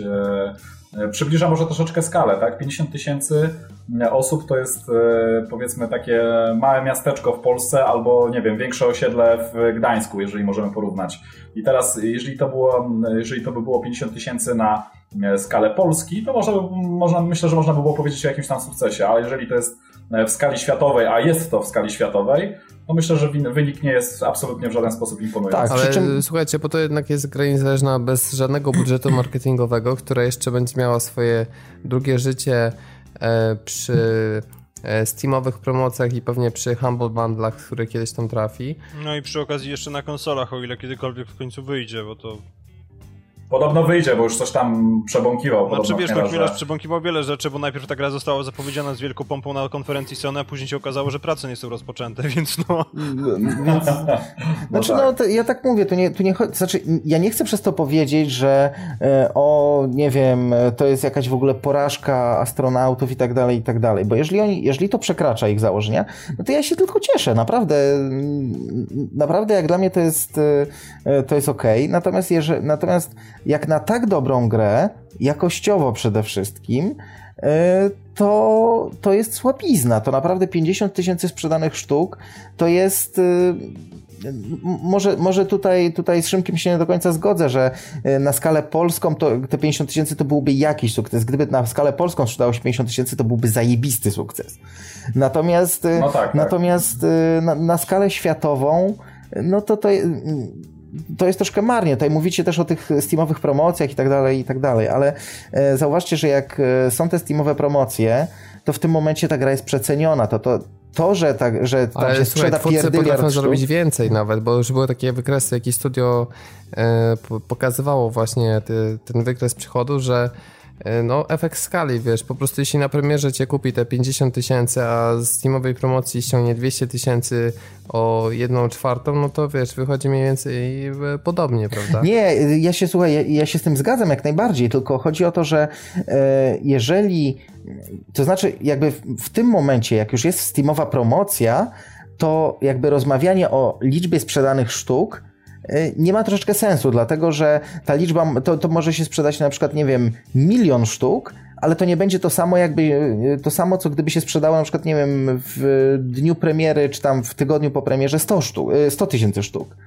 E, więc jakby w tym momencie to już można bardziej to... mówić o przychodach niż o liczbie sprzedanych sztuk. To tak samo jak na przykład z Wiedźminy, e, to taka mała dygresja, e, jak fajnie CD, może nie to, że manipuluje danymi, co przedstawia je w bardzo specyficzny sposób, mówiąc na przykład, że wszystkie części Wiedźmina razem sprzedały się do dnia dzisiejszego w tam, nie wiem, dwóch czy trzech milionach sztuk. No fajnie, mnie to bardzo cieszy, tylko, tylko że w momencie, kiedy Wiedźmin był już 15 razy przeceniany, kiedy był praktycznie do chipsów dodawany, no to nic dziwnego, że się taka liczba sprzedała. 7-8, ale... tak a propos chyba. Czy tam 7-8. Mniejsza z tym, no ja tak rzuciłem sobie liczbę, bo to kiedyś tam dawno temu było powiedziane, więc nawet mi się wracać do tego nie chciało. Ale jakby to nie oznacza, że y, jakby jakiegoś ogromnego sukcesu, bo tutaj jeszcze wracając na chwilę do tego Grimrocka, Grimrocka się sprzedało 600 tysięcy bez żadnych przecen. Tam była przecena jedna z tego co pamiętam dla tych, którzy przed premierą kupowali, ale to była z 20 y, dolców na 15 dolców, ale to tam y, to nie była żadna jakaś tam, nie wiem, żadne bundle, żadne przeceny typu, nie wiem, 85%, tylko to była taka mini przecena dla, po prostu dla tych, którzy zaufali wcześniej. Więc... Słuchajcie, ja, ja na przykład bardzo nie lubię oceniania takiego e, e, i bawienia się tam w, w cyferki, e, przeliczanie, czy, czy, czy no bo cyfry nie są wyznacznikiem tak naprawdę, czy coś jest dobre, czy złe i tutaj ja nie, nie absolutnie. I ta nasz, szczególnie, szczególnie, że ja w niego nie grałem, a mm, słyszałem, że recenzje są bardzo pozytywne. No to zależy jeszcze jakie, podobna... bo polskie to tak średnio. No polskie to nie, ale, ale, gra, ale gra jest generalnie chwalona. Gra jest chwalona, powiem, wśród znajomych, którzy E, którzy z moich znajomych, którzy grali, to naprawdę sobie bardzo chwalą. Jest to naprawdę bardzo solidna gra. E, tylko jeśli już rozmawiamy o, rzeczywiście o liczbach, o których, no, tak jak mówiłem, nie lubię rozmawiać, bo nie jest to jak dla mnie specjalnie żaden wyznacznik, ale jeśli, jeśli mamy tutaj cokolwiek przyrównywać, no to, no tak jak mówiłem, 50 tysięcy to nie jest jakiś szał, dlatego że, no weźmy pod uwagę sobie na przykład e, e, gry, które, gry, które nie wiem z jakich, dlaczego, z jakiego powodu stają się fenomenem, ale stają się fenomenem, jak na przykład Flappy Bird. Ile tam było milionów no, to, to... ściągnięć? A co gra, a co gra oferuje tak Nic. naprawdę, no? Jaki to, jaki to jest poziom? No także.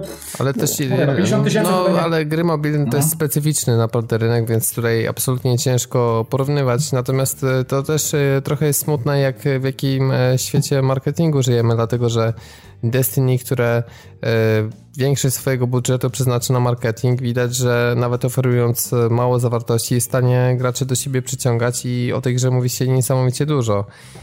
E, no, o Drive Clubie też się mówi, ale tu nie w tak pozytywnym kontekście. Z drugiej strony, czekajcie, czekajcie, taki szybki przelicznik, e, żeby, żeby, żeby zobaczyć skalę. E, I ten Carter na świecie, on kosztuje ile teraz? 20 dolców czy więcej? No jakoś tak, bo to jest taka cena, wiesz, e, chociaż może nawet więcej na Steamie w euro by było. Dobra, załóżmy, że to jest 70 zł, tak? tak za 6 dyszek. Za 6, 6 dyszek, dyszek dobra, to 60 zł, za, czyli to jest 20 dolców. Pi razy drzwi, powiedzmy, bo tam w euro to wychodzi trochę więcej. Załóżmy, że to jest, że to jest 20 dolców za, za jedno. No to 50 tysięcy razy 20 dolców to znaczy, że zarobili milion, yy, milion dolców. Znaczy zarobili, no przychód jest znaczy milion dolców. przychód, dokładnie. Tak. E, no to to jest porównywalne z przychodem z Wastelanda dwójki. To nie jest tak źle może, powiedzmy. A Wasteland 2 nie poszedł tam w kilkaset tysięcy kopii czasem? E, nie, oni się, znaczy ja nie mówię teraz o ilości kopii, tylko o, e, o, mm, o tym ile zarobili. Bo oni mówili... Aha, znaczy nie, bo ty teraz porównujesz przychody do zysków, mi się wydaje. Przychody, przychody. Znaczy z tego co ja pamiętam, oni mówili odnośnie Wastelanda, że y, Wasteland zarobił już tyle i tyle. Jak się mówi, że zarobił, to chodzi o przychód, nie o zysk. No nie tak, ale to mogło być tak, wiesz, kwestia ale, ale tłumaczenia, to... bo wydaje mi się, no że... No dobra, może tak, może to i trochę Wasteland taki drogi, jednakże pobrało go więcej niż Etana, to siłą rzeczy to musiałby być ich zysk. No ale Etana można zasysać tylko na Steamie, czy... Na Steamie, na Gogu chyba... No nie, i w nie Polsce wiem, gra jest też no na wersji pudełkowej. Tak.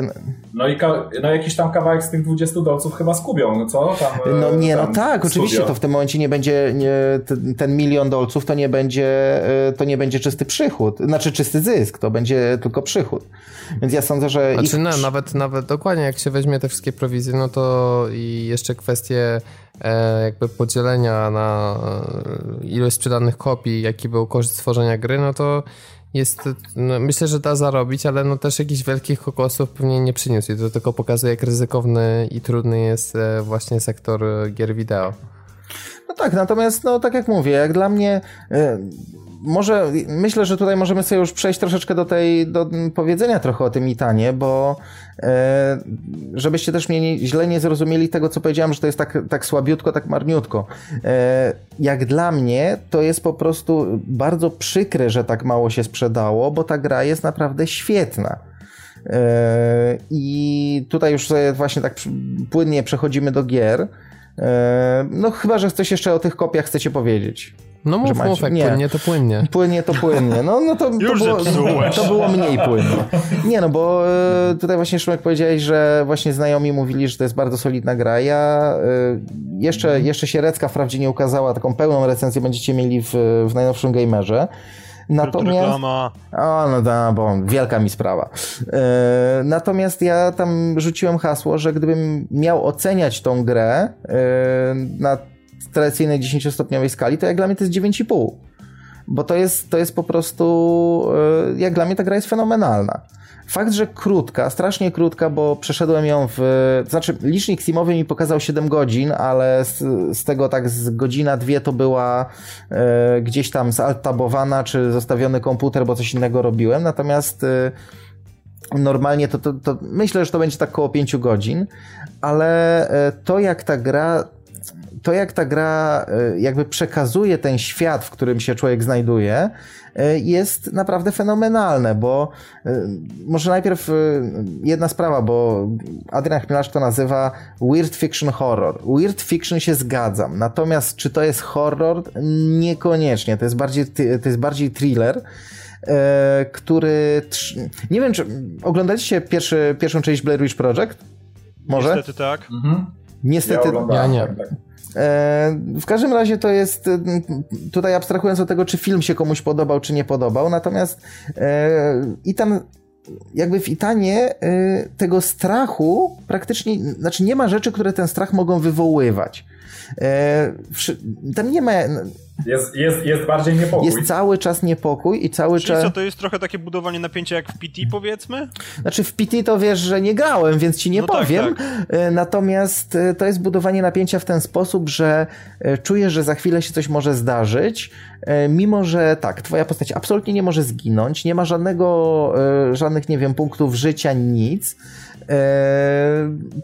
wiesz, wiesz, że nic ci się nie może stać, nawet jak jest w pewnym momencie sytuacja taka, że teoretycznie coś cię atakuje, e, to jeżeli nawet cię dopadnie, to po prostu jesteś cofany do momentu przed chwilą, więc nic się spoiler. nie dzieje. Oj, wielki mi spoiler. Wielki mi spoiler, nawet nie mówię o czym. No ale dobra, no jakiś tam no, spoiler no, macie. Wiem, że żartujesz, spoko. Eee, I tam ci się nic nie może stać, natomiast cały czas masz wrażenie tego, że ktoś cię obserwuje, wrażenie, te, wrażenie, że e, coś tu jest nie tak, że w ogóle ten świat jest jakiś. Prze przede wszystkim, kiedy zaczynasz grać, to co chwila atakują cię rzeczy, zdarzenia, które pokazują ci, yy, ty naprawdę nie wiesz, w jakim jesteś świecie, nie wiesz, co się może zdarzyć, jesteś po prostu niepewny tego, co będzie za chwilę. Bo tak jak na przykład, nie wiem, grasz sobie nawet w takiego Dead Space'a czy coś, to e, ty doskonale wiesz, że zaraz ci może wyskoczyć potwór, zaraz może być bu, zaraz może być, e, nie wiem, jakaś e, drastyczna scena, która, nie wiem, jakieś rozrywania flaków czy coś w tym stylu. Natomiast tutaj e, czegoś takiego nie ma. Tutaj po prostu cały czas, e, to, to, tak jakbyś na przykład poszedł ciemną nocą do opuszczonego domu. Ty teoretycznie wiesz, że tam ci się nic nie stanie, e, ale w praktyce w praktyce masz odczucie, kurna, ja chcę stąd wyjść. E, I mniej więcej tak samo jest, e, tak samo jest w tej grze, że tutaj e, cały czas masz, te, masz to napięcie, masz ten, te, te ciarki na plecach, mimo że wiesz, że nic się nie może, nic się Dobra, nie może Tomku, zdarzyć. ale przepraszam cię jeszcze na chwilę no. przerwę, jak już porównałeś to do Dead Space'a, to przechodziłeś którąkolwiek z sekcji w grze drugi raz, czy nie? Nie. Pojedynczo tylko? Ja, przechodzi, ja przechodziłem. Aha, no właśnie, czy to uczucie strachu się utrzymuje? Ponieważ problem Dead Space'a polegał na tym, że to jest doskonała, doskonały tytuł, ale na raz, ponieważ nie zmieniają się punkty, w których te nekromorfy ci wyskakują. teraz rozumiem, że tutaj nie ma nekromorfów, ale czy z drugiej strony to utrzymywanie właśnie tego napięcia jest jednak w momencie, kiedy się przechodzi drugi raz? Czy już tego nie ma? Wiesz co, yy, powiem ci tak, yy, przechodząc...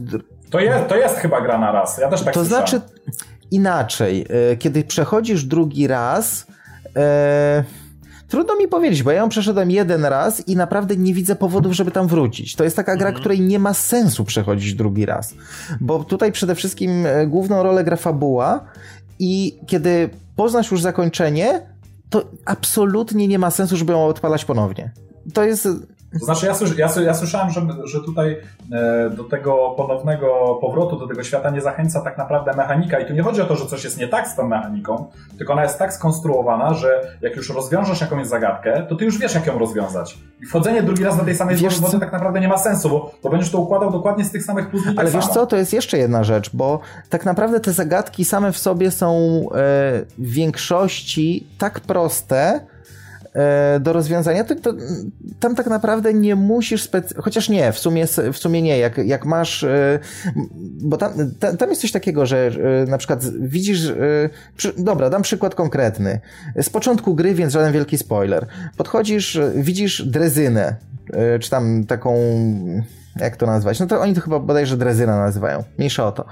E, widzisz na niej krew. No i zastanawiasz, e, i ten bohater się zastanawia, tam przed jego oczami pokazują się e, napisy, czy, że krew, czy ludzka, czy zwierzęca, czy morderstwo, czy może wypadek, czy coś i potem szukasz przedmiotów. Przedmiotów, które e, są przedmiotów albo ludzi, bo tam na przykład też są obok zwłoki z odciętymi nogami w ogóle, e, ale na przykład jest miejsce, gdzie e, czegoś brakuje i musisz znaleźć ten element, żeby tam, tam go umieścić, ale ten element jest praktycznie obok, więc jakby nie masz takiego tu nie ma takiego myślenia w sensie kombinowania, co gdzie włożyć, jak rozwiązać zagadkę. Tylko, że jak już wszystkie elementy ułożysz w odpowiednim, e, w odpowiedni sposób, to nagle bohater ma wizję. Czyli e, kilku, kilku e, takich, nazwijmy to, stopklatek z tego, co się działo w grze. E, znaczy, co... znaczy to chyba było na którymś gameplayu. Tak, tak, więc to nie jest... To, nie jest taki dłuższy.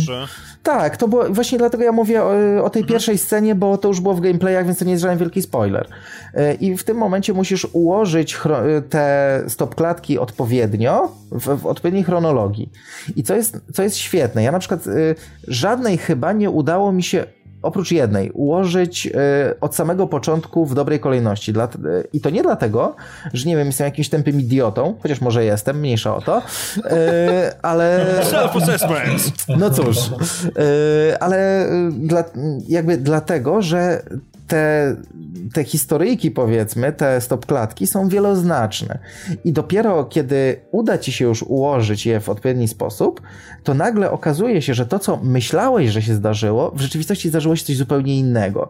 Człowiek, który myślałeś, że był yy, na przykład, nie wiem, uciekał, okazuje się, że on był goniącym albo kogoś w pułapkę chciał, z, chciał yy, nie wiem, zwabić. Yy, człowiek, który myślisz, że tak naprawdę pomagał, okazuje się, że on był główny głównym, e, tam głównym prowodyrem zdarzenia. Więc, e, więc e, samo odkrywanie tego jest fajne, natomiast rzeczywiście, kiedy już raz to odkryjesz, to potem to już jest tylko takie chodzenie i ping, ping, ping, ping, ping, to pierwsze, to drugie, to trzecie, to czwarte, to piąte, pszt, lecimy dalej. Ale jakby nawet nie to jest problemem, tylko to, że, znaczy problemem, nie problemem, tylko jakby takim, takim problemem z kolejnym przechodzeniem tej gry, tylko to, że w momencie, kiedy ty już poznasz te historyjki, poznasz zakończenie, y, to tak naprawdę znaczy, tam można by tą grę przechodzić jeszcze raz, żeby znaleźć tam jeszcze jakieś dodatkowe zapiski, czy jakieś yy, yy, smaczki, które tam gdzieś było, yy, gdzieś były, typu na przykład, nie wiem, gdzieś jest narysowany jakiś symbol, którego nie zauważyłeś, a który może ci jakoś naprowadzić na jakieś alternatywne, nawet nie zakończenie, tylko na alternatywną interpretację zakończenia, czy jakieś poszerzenie wiedzy o tym, o świecie tej ale gry. Nie, ale nie oszukujmy się, to już jest niewielka motywacja. Nie, to jest niewielka motywacja, tym bardziej, że w te 5 godzin jak tak czytałem, bo ja potem patrzyłem w necie, czy, czy czegoś nie ominąłem, czy coś. Ja bodajże chyba jedną rzecz ominąłem i to nie jakąś specjalnie wielką. E, więc e, jeżeli ktoś naprawdę zwiedza ten świat, a nie tylko biegnie tak po prostu na wariata, e, to i tak większość, większość z tej gry pozna za pierwszym razem, więc nie ma sensu do niej wracać. Natomiast tak wracając do tej historii, to jest ja, znaczy, wiem, że tutaj jakby ludzie są podzieleni na dwa obozy. Jedni, którzy lubią mieć, za, mieć zakończenie walnięte prosto między oczy, czyli jest tak i tak, zdarzyło się to i to, cześć, dziękuję, do widzenia, możesz grę sprzedać i w ogóle y, nie mamy o czym rozmawiać. A ja akurat się zaliczam do, do tych osób, które lubią, jeżeli zakończenie jest w jakiś sposób otwarte. To znaczy, yy, kiedy wiem, że mogę je w różny sposób interpretować, mogę się tam doszukać innych znaczeń, jakichś alternatywnych, powiedzmy, teorii, które gdzieś tam mogą być przemycone i Ethan Carter rzeczywiście to dostarcza, bo mimo, że zakończenie dość jasno mówi, co się mogło zdarzyć, e, to okazuje się, że e, można to interpretować na co najmniej, nie wiem, 4-5, jak nie więcej sposobów. E, tutaj jest jedna nie, nie wiem, czy wiecie, jak wiele było dyskusji, dotąd są, mimo że tam już 10 lat minęło, odnośnie tego, o co chodziło w Odysei Kosmicznej Kubricka. I okazuje się, że tutaj jest dokładnie to samo. Tutaj y, można mnóstwo czasu dyskutować o, o zakończeniu, zastanawiać się, czy y, o co w nim chodzi, dla, co się w rzeczywistości zdarzyło i tak naprawdę nigdy nie dojdziemy do jednej, jednej spójnej wersji. I to jest świetne. E...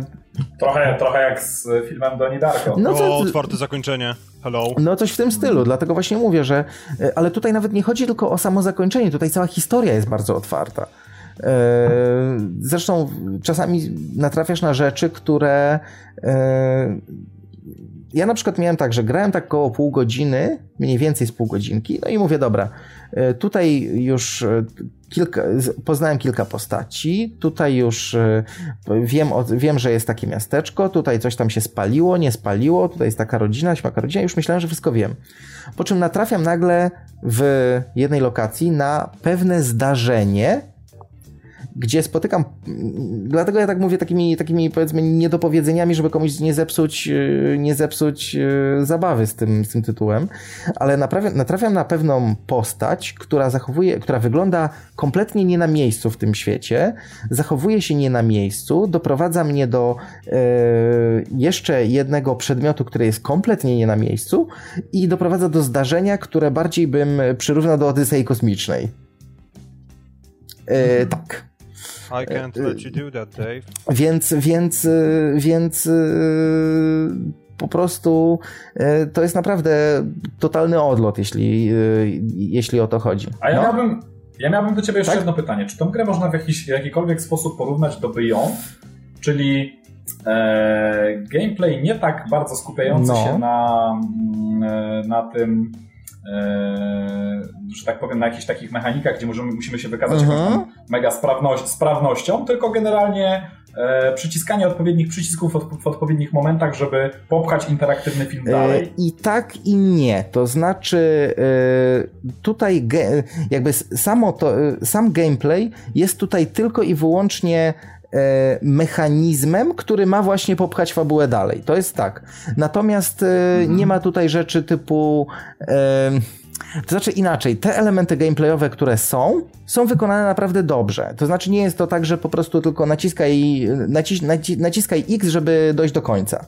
Tylko, no, że było do przewidzenia, no bo przecież Adrian Chmielarz nie jest na tyle e, jakby to określić dyplomatycznie, dużym wizjonerem jak Dawid Karze, który ma te swoje dziwne różne pomysły, więc myślę, że, że, że akurat Adrian tutaj tego tak nie, nie spartolił. Ale... To, to jest właściwe słowo. Nie, on to zrobił e, właśnie to, to, co mi się spodoba, bo ja w ogóle nie wiem, czy pamiętacie, jak na poprzednich, e, w poprzednich odcinkach rozmawialiśmy o tego typu grach, to ja zawsze mówiłem, że dla mnie się liczy gameplay że dla mnie tam historia historią super fajnie, świetnie, ale dla mnie się liczy taka czysta rozgrywka. E, I ja byłem sam zaskoczony, że taka gra, która e, ona jest absolutnym zaprzeczeniem tego, co dla mnie się liczy w grach.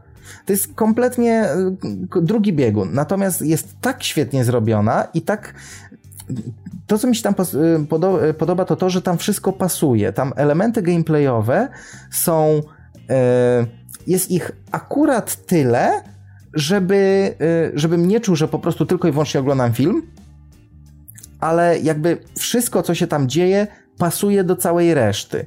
E, nie, nie ma czegoś takiego, jak na przykład nie, y, są, no, chociażby ten niesławny Bioshock y, Infinite, gdzie e, jakby gameplay był takim takim truciem tyłka, po prostu takim cierniem w tyłku e, przed poznawaniem fabuły, tylko jakby tutaj to jest tak wplecione, że rzeczywiście cały czas chcesz iść do przodu, chcesz coś nowego e, poznać, dowiedzieć się, co się stało. I, i praktycznie co nowa zagadka, co nowe, e, jakieś, nie wiem, lokacja, to jakby zmienia się zupełnie twoje postrzeganie postaci w tej grze, e, zdarzeń, e, nawet czasami, e, nie wiem, gdzieś w dwóch trzecich gry okazuje się, że widzę jakieś zdarzenie i mówię, kurna, przecież ja czytałem jakąś karteczkę, jakiś zapisek, który był aluzją do tego, co się teraz zdarzyło, ale ja tak naprawdę nie wiem, czy to się zdarzyło, bo może to ja jeszcze zupełnie inaczej zinterpretowałem i może jeszcze gdzieś tamten zapisek, to tak naprawdę on się do tego odnosił. I tak naprawdę mi więcej czasu zajęło taka rozkmina nad fabułą, nad tym, co ta gra chciała mi powiedzieć, i taka pozytywna, nie taka, że e, o co wam chodzi, e, tylko taka pozytywna, takie pozytywne rozważanie, jakby co ja w tej grze widziałem, co ona chciała przekazać, niż sama, niż sama rozgrywka. Muszę ci, Więc... powiem, muszę ci powiedzieć, że jesteś kolejną osobą, która mnie zainteresowała tym tytułem. Myślę, że on może trafić. Wiesz co, jeszcze jedną rzecz chciałbym wiedzieć, bo zapomniałem, tak, tak? zapomniałem o to dopytać e, ludzi, z którymi już rozmawiałem na temat Itana. Ja wiem, że to, to pytanie może ci się wydać dziwne, ale chciałbym wiedzieć, czy w tej, no. grze, jest, czy w tej grze jest kursor? E, słuchaj, ale wiesz co, pyta... słuchaj, pytanie jest, pytanie jest bardzo dobre, dlatego że kursor e, może być, a może nie być. Możesz go sobie włączyć albo wyłączyć. Aha, okej, okay. czyli jest opcjonalnie, dobra. Tak, ale e, od razu ci mówię, weź go sobie od razu wyłącz, bo jest do niczego niepotrzebny. Okej, okay, dobra, to tylko to, tak, to, to, jeszcze tak. ja mam e, pytanie, bo znaczy nie mhm. wspomniałeś w ogóle, a jednak zachwyca ta warstwa techniczna, ale myślę, że największym osiągnięciem czy nawet na równi jest nie tyle sama grafika, ale przede wszystkim genialna wprost optymalizacja i Ubisoft powinien ściągnąć sobie yy, właśnie kupić yy, Etana i patrzeć na to, Ubi robić testy, benchmarki, jak zoptymalizować grę pod PC. -ta. Powiem ci tak, z jednej strony Ubisoft powinien e, astronautom lizać buty i błagać, żeby powiedzieli, jak to zrobić, natomiast ja ci od razu powiem e, jedną rzecz, że e, to jest zrobione dosyć sprytnie, jeśli chodzi o etana. Bo rzeczywiście na przykład masz, jeżeli spojrzysz sobie na trawę, to w, w, życiu nie widziałem bardziej realistycznej trawy. I to realistycznej w sensie takim, że na przykład, wi, y, nie wiem czy pamiętasz, są, są takie gry, gdzie na przykład ktoś symuluje, że wieje wiatr, tak? I tak, ta trawa tak się gdzieś tam rusza. W Killzone to chyba szczególnie na PS4 jest y, po prostu śmieszne, bo wszystko wieje dokładnie w tym samym kierunku. I to jest A tak tutaj... jakby cały czas, jakby nie było podmuchu wiatru, tylko po prostu jakiś wiatrak nieustannie leciał na, na A, maksymalnych obrotach. Dokładnie, a tutaj masz y, nie tylko podmuchy, ale różne E, tak jakby zawirowania wiatru, że niektóre, niektóre źdźbła wieją w, jedno, znaczy w jedną stronę, drugie w drugą, ale w sensie takim, że tak jakbyś rzeczywiście widział e, trawę na wietrze. To jest raz. Druga sprawa, jak zobaczysz drzewa, to w pewnym momencie, kiedyś widziałem screen Zetana, e, myślałem, że to jest jeszcze przed obróbką i że to jest zdjęcie. I, rzeczywi- I co się okazało, że gra w rzeczywistości, znaczy w, w ruchu, wygląda lepiej niż te screeny. I to sporo lepiej. Wow, e, to nieźle. Więc, więc, e, więc tak. Mm, kolejna sprawa jest taka, że na przykład jak dochodzisz do domu, do zrujnowanego domu, e, to jest po prostu gdybym coś takie, gdybym zobaczył screeny z tego gdzieś tam rzucone, to bym w pewnych momentach, to nie, nie licząc może niektórych efektów cząsteczkowych, mógłbym pomyśleć, że to, jest, to są rzeczywiście zdjęcia ze zrujnowanego domu rzeczywistego, istniejącego.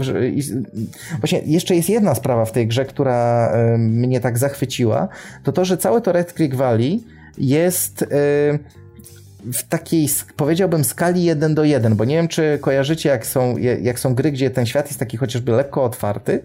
To są sytuacje takie, że e, przykładowo, nie wiem, jest tunel, to ten tunel jest bardzo króciutki, żeby gracz za długo nim nie szedł. Jak jest na przykład, nie wiem, jakiś, yy, to jest chyba najbardziej oczywiście w MMO widoczne, gdzie na przykład są dwie zwaśnione strony, dwa zwaśnione obozy, yy, które toczą ze sobą śmiertelną walkę od 200 tysięcy lat, yy, a te obozy są mniej więcej tak na piechotę 3 minuty od siebie. E, tutaj czegoś takiego nie ma. Tutaj te, e, ta skala jest zachowana po prostu jeden do jeden. No to wiesz, to Assassin's Creed właśnie chyba teraz oni robili właśnie taki wielki big deal, że tak to nazwę, z tego, że budynki są praktycznie odwzorowane w skali jeden do jednego, jeżeli chodzi o Paryż, więc no jeżeli w Etanii już to jest, no to rzeczywiście Ubisoft, zadzwońcie do chmielarza. Ale wiesz co, e, to robi ogromną różnicę. Ja w życiu bym nie pomyślał, że to rzeczywiście mi taką różnicę zrobi. Natomiast czujesz dzięki temu, tak jakbyś rzeczywiście był w małej miejscowości, która e, znaczy takim małym pseudomiasteczku, bo tam jest raptem parę budynków na krzyż, e, która faktycznie istnieje. E, I to robi kolosalną różnicę. No ale jeszcze wracając do tej grafiki, oni, właśnie to jest, śmie- to jest też jakby śmieszne, że, że astronauci tutaj wykonali jeden zabieg. Mianowicie zrobili bardzo dużo obiektów przyrody. E, które są oparte na efektach cząsteczkowych, które są oparte na rzeczach, które mm, prościej jest y, zrobić je w taki sposób, żeby nie żarły po prostu nie wiadomo ile, ile pamięci. Więc jakby mam wrażenie, że oni tutaj się troszkę poposiłkowali tymi, tymi technikami i sztuczkami, bo gdyby na przykład chcieli no, przy, przykładowo, załóżmy jedną rzecz. Mamy, yy, jest cmentarz, tak? I są grobowce. Te grobowce są z grubsza takie same. Gdyby zamiast tych grobowców były inne, gdyby te modele były inne, to zajmowałyby dużo więcej miejsca w pamięci, a dzięki temu, że one są takie same, tylko różnią się jakby wykończeniami, to miejsce w pamięci jest zarezerwowane, bo na przykład musisz tylko i wyłącznie jedną teksturę wczytać, a nie 15 na każdy grobowiec osobną. Więc tam jest dużo takich sztuczek optymalizacyjnych, które jeśli, nie wiem, trochę się bawisz na przykład grafiką, czy, czy yy, jakimiś tego typu rzeczami, to po prostu je od razu zauważysz, że tam ta gra nie musi aż tyle... Yy, aż tyle tej pamięci wykorzystywać. Czy no, nie jest aż tak zasobożerna, a jednocześnie jest, bardzo dobrze wygląda? Wygląda tak, że yy, no, jak widziałem chociażby Metro, to Redux, czy Redux, czy jakkolwiek to czytać, to Etan wygląda lepiej. Dobrze, Tomku to, ja, Tomku, to ja w takim razie do Ciebie jeszcze pytanie jako do pc no, no. Takie, z taką troszeczkę prywatą polecę. To powiedz Jasne. mi w takim razie, czy na moim dual core z Radeonem 7310 i 4 giga, gigabajtami RAM e, pójdzie w ogóle i tam? Czy warto? Myślę, że, myślę, że spokojnie. Znaczy, Myślę, wiesz, że spokojnie. Bo też nie chciałbym lecieć na jakiś low, tak? Tylko. To znaczy, wiesz, y, powiem ci tak, jeżeli ustawisz sobie ultra high, no to może być, to może być problem. Natomiast wydaje mi się, że na jakimś takim so, solidnym medium to raczej, raczej, raczej powinien pójść. Aha, no to super. Świetnie. Raczej powinien pójść. No słuchaj, ja mam, e, ja mam przecież tą, jeśli, chodzi o RAM, to mam wprawdzie 8 giga i e, grafikę tą GTX 660, e, ale ja ustawiłem sobie wszystko na full, na ultra i tak dalej, po prostu wszystko wszystko na full i gra mi chodziła bez żadnych zaciachów. Absolutnie mhm. żadnych. Y, jak żyła. Y, więc... Y, no bo jednak przy takiej oprawie to warto chyba jednak grać na tych, no przynajmniej średnich, jak nie wysokich detalach. Tak?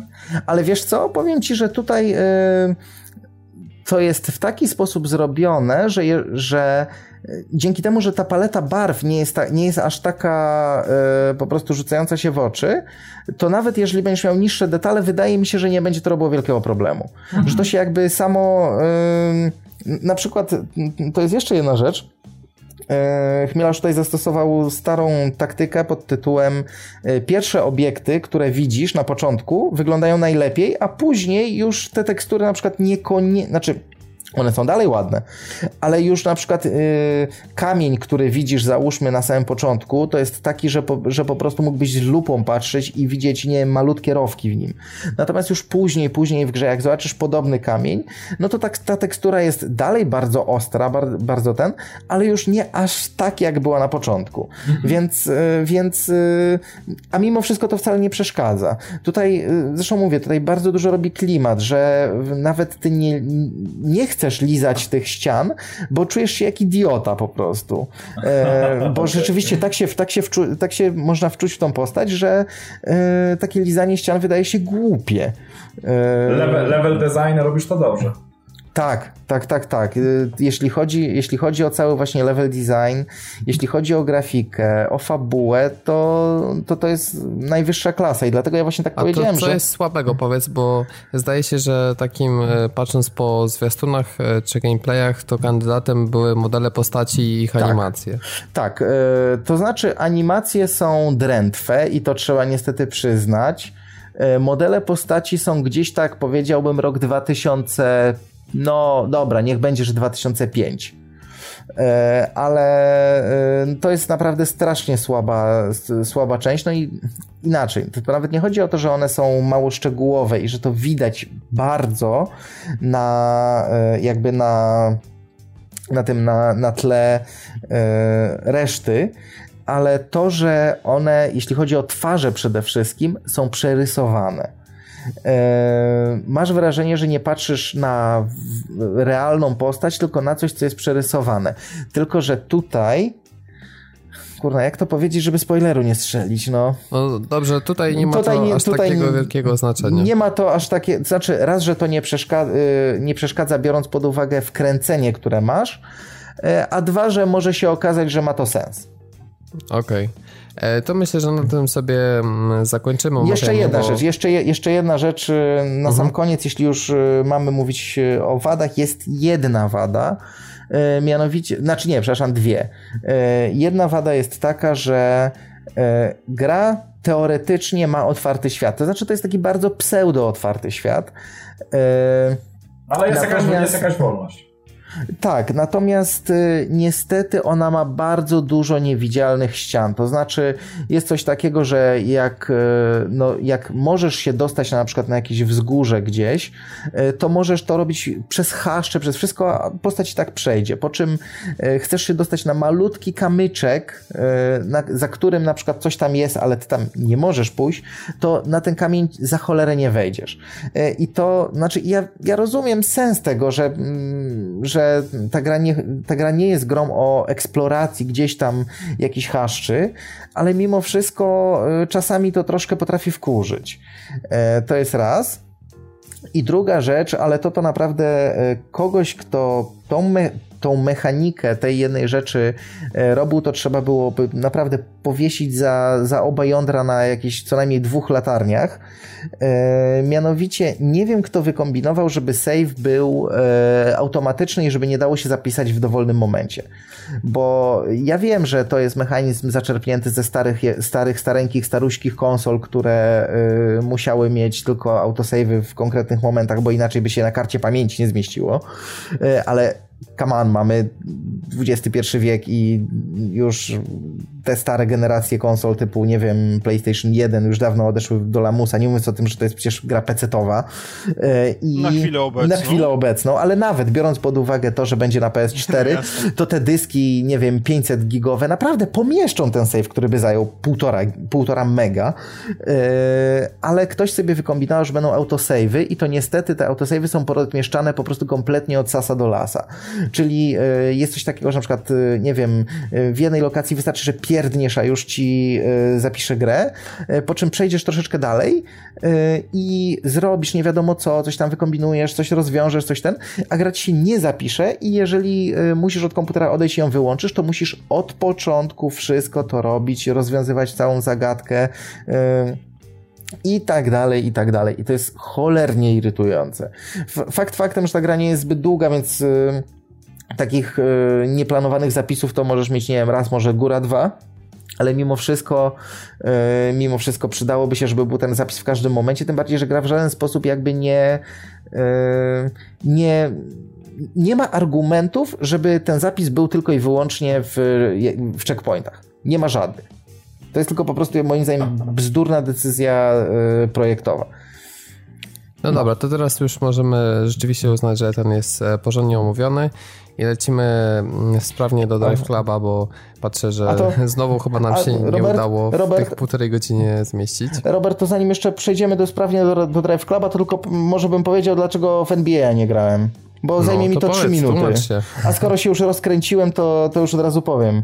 E, w NBA 2K15, w którego bardzo chciałem zagrać, kupiłem sobie go na PC-ta, bo y, twórcy... Bo na co innego. też prawda, ale twórcy mówili, że y, teraz się skupiają na wersji PC-towej, oczywiście bullshit kompletny, no ale jakkolwiek. Odpaliłem sobie grę i chciałem wam to już dzisiaj w tym odcinku powiedzieć, jak fajnie się w to gra, tudzież jak chujowo się w to gra, że się tak wyrażę. Niestety, Znowu mięsem. rzucam mięsem, wiem, sorry. W każdym razie niestety nie mogę wam tego powiedzieć, ponieważ w momencie, kiedy włączyłem grę, e, po chwili, kiedy już stworzyłem swoją postać, bo trzeba na początku swoją postać stworzyć, nie wiem po co, ponieważ... E, czekaj, czekaj, to jest właśnie ten patent ze skanowaniem twarzy na konsolach, co wychodzą alieny? E, tak, tak, tak, tak, tak, tak, tak ale ja akurat nie skanowałem, okay. tylko sobie jakieś tam z jakichś presetów próbowałem robić, po czym gra mi się zawiesiła. Zawiesiła mi się w ten sposób, że oczywiście żadne Ctrl Delete czy inne inne Alt F4 nie działały, w związku z czym czekał mnie twardy reset. No cóż, yy, zresetowałem. Oczywiście okazało się, że wszystkie moje ustawienia poszły na marne. Dobra, jeszcze raz. Yy, pograłem, pograłem chwilę, tam coś jeszcze poustawiałem w opcjach. Oczywiście, kiedy ustawiałem w opcjach, gra się wysypała. Dobrze, trudno. No to włączamy jeszcze raz. Na szczęście opcje się zapisały. Próbujemy włączyć mecz. E, ale na początku, zanim jeszcze włączyłem mecz, chciałem sobie troszeczkę potrenować, bo wiadomo, do, od 2014 chwilę nie grałem. No to włączam, e, włączam e, sobie trening, ładuje się, ładuje, mówię, kurwa, coś tak dziwnie długo. Ładuje się, ładuje i nagle się przestał ładować i zaczęło dziwnie piszczeć. No to już wiedziałem, co się dzieje. Oczywiście yy, gra się zwiesiła. Oczywiście kontrola delete nie działa. Oczywiście twardy reset. Stwierdziłem, że pierdzielę to po prostu i będę czekał na łatkę, która najpewniej i tak się nie pojawi, bo niestety 2K Games kompletnie olewa łatki pecetowe. Pecetowcy, pecetowcy i ich problemy. Łach, łach, łach, łach, łach. W związku z czym... Yy... Idź sobie bufory pozwiększaj. Ale wiesz co, właśnie zapomniałem, że muszę to sprawdzić. Muszę zobaczyć, jak jest, to jaki jest. To żart, błagam, nie rób tego. Jak powiesz, że to zadziała, to chyba po prostu padnę na plecy. Słuchaj, ale y, mówisz, mówisz o buforach. Przecież jak masz, y, jak miałeś Wiedźmina y, dwójkę, to y, tylko i wyłącznie, żeby działało na lepszych kartach, musiałeś sobie ręcznie w konfigu bufory zmieniać, zwiększać, dlatego że y, ustawiał ci błędne bufory, przez co y, gra się zacinała. To samo, Jezu Chryste na rowerze. to samo zresztą było z Rage'em, że jeżeli nie pogrzebałeś sobie w ustawieniach, to miałeś pop-up tekstur, a wystarczyło wejść do, wejść do ustawień gry i zamiast tam 512, 512 mega jako bufor na tekstury, ustawić sobie po prostu, nie wiem, 8 giga i nie było problemu i tekstury natychmiast się pojawiały. No ale to tak tak, by the way. W no. związku z czym czek czekam na łatkę. Mam nadzieję, że tutaj sport się wreszcie Czekasz wyjai. na łatkę, która nie nadejdzie. To jest bardzo prawdopodobne. No mnie, albo, albo po prostu jeszcze za jakieś 2-3 dni, jak mi moje, uwaga, mięso w kurwienie przejdzie, to po prostu włączę tą grę jeszcze raz. No to nie jest No dobrze, to teraz e, teraz się produkujcie tego, o czym powiedziałeś przed sekundą i czekania. E, hashtag Drive Club. E, powiem tak, jeśli chodzi o już całą tą dramę serwerową, o której mówiliśmy i kwestii online, to myślę, że po prostu pominiemy to totalnie. Znaczy i... nie, no myślę, że możemy powiedzieć jeszcze, znaczy to ja powiem o, samym, o samej rozgrywce online, która jest po prostu jednym wielkim chaosem. No dobra, to może zacznijmy od tego i po prostu potem przejdźmy do jakby rdzenia gameplayu rdzeń gameplayu, Boże, jaka ładna kalka językowa.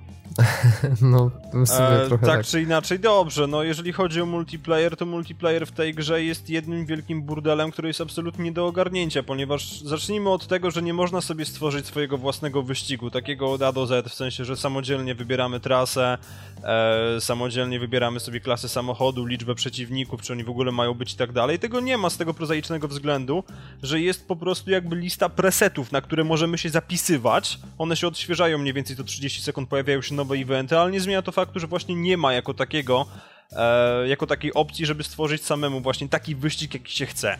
Co jest dla mnie już głupotą z miejsca. Natomiast, no, one tryby rozgrywki też nie są jakoś jasno podzielone, wszystkie są po prostu wrzucone do jednego wora e, i wybór trybu rozgrywki ogranicza się do tego, że gdzieś na, na grafice przedstawiającej daną trasę e, jest po prostu napisane w jakim trybie od, od, odbywa się właśnie wyścig na tej danej trasie.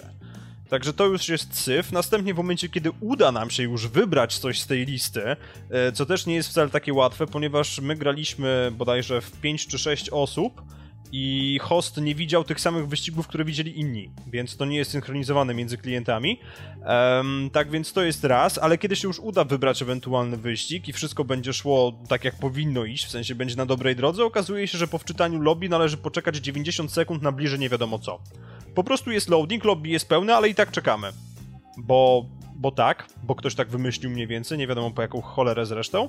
Eee, dość często zdarza się, nawet jeżeli serwery działają oczywiście, bo na chwilę obecną wszystko to jest niemożliwe, natomiast zdarza się, że w środku wyścigu po prostu ktoś zostanie wyrzucony eee, i, i co jest najlepsze, pozostanie normalnie na, na czacie z innymi użytkownikami w party, więc to nie jest jakaś awaria PSN-u, a po raz kolejny jest to niestabilność serwerów, po prostu wyleci sobie z gry, e, wywali go do głównego menu i cześć. Może to jest kara za złą jazdę, no ty... Nie, to nie jest kara za złą jazdę w momencie, kiedy jesteś pierwszy nie, no, zostałeś się tam...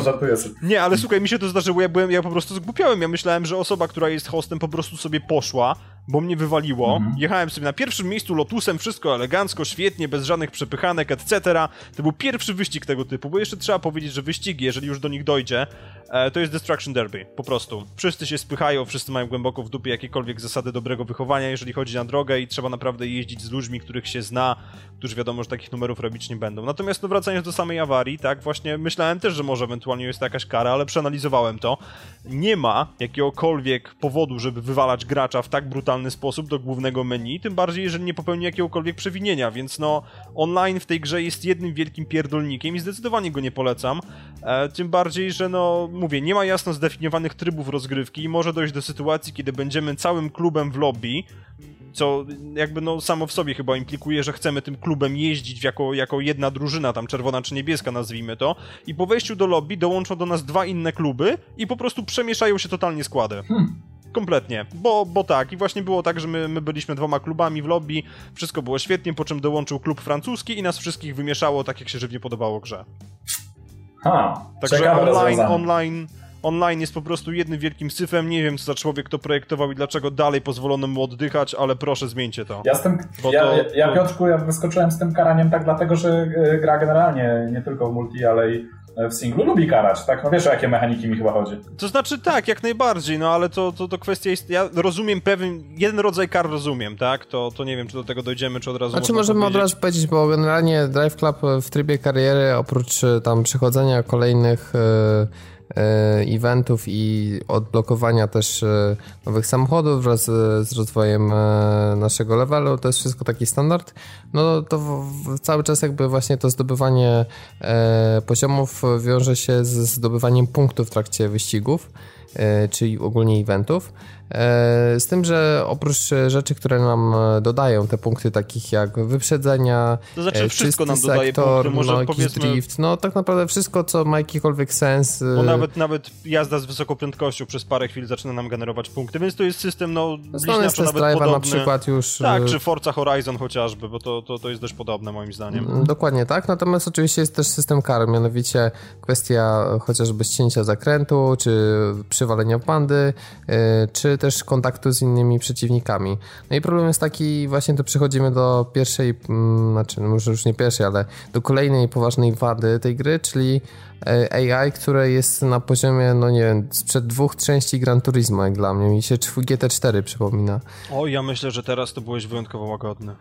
No, no nie, nie naprawdę, ponieważ no raz, raz, że przeciwnicy jeżdżą jak debile po sznurku momentami, ponieważ mi się zdarzyło, że no nie opanowałem Ariela Atoma V8. To jest samochód, który jest koszmarnie zrobiony w tej grze. On jest koszmarny też w prawdziwym życiu, nie oszukujmy się, bo to jest de facto doładowana V8 na kołach. Natomiast nie opanowałem go, wywaliło mnie na sam środek trasy i następnie wszyscy, całe 11 innych samochodów wjechało we mnie. Po kolei. Hmm. AI kompletnie w tej grze nie zdaje sobie sprawy, gdzie gracz się znajduje i po prostu tak, jedzie po predefiniowanych wydaje, ścieżkach. Mi się też wydaje, że AI niekoniecznie zdaje sobie sprawę z tego, gdzie samo się znajduje, ponieważ zdarzają się naprawdę sytuacje, kiedy dochodzi do ścierania się, bo innego określenia na to nie ma, ścierania się dwóch zawodników kierowanych przez komputer, bo, bo tak i najlepsze jest to, że oczywiście w momencie, kiedy kierowany przez komputer zawodnik uderzy w nas, to my tracimy punkty. I najlepsze jest to, że jeżeli tracimy punkt za jedno uderzenie, w sensie 100 punktów, za drugie uderzenie jest minus 200, minus 300, minus 400 i tak dalej. Więc po prostu no, jest to absolutnie rewelacyjne rozwiązanie i sugeruję zastosować tutaj lynch dla osoby, która to wymyśliła. Znaczy wiesz, dla mnie sam jakby koncept jest ok, tylko gdyby AI było po prostu dobre i sensowne, No tak, tak, więc... tak, tak, zdecydowanie, jak najbardziej. Gdyby to było rzeczywiście z naszej winy, że my coś robimy, że, że, że no nie wiem, zamykamy drzwi na kimś, że tak się wyrażę, czy coś w tym stylu, no to okej, okay, ale no w momencie, kiedy jedziesz sobie po prostu i nagle jesteś, e, zaczynasz być uderzany, nie ze swojej winy, bo po prostu jedziesz, ścigasz się jak każdy inny, e, i nagle zaczynają ci lecieć ujemne punkty, no to coś jest tak lekko nie halo jakby. A co powiecie o moim zdaniem jeszcze bardziej kontrowersyjnym e, rozwiązaniu, znanym już e, z kultowego Gran Turismo 4, wiecie o czym mówię?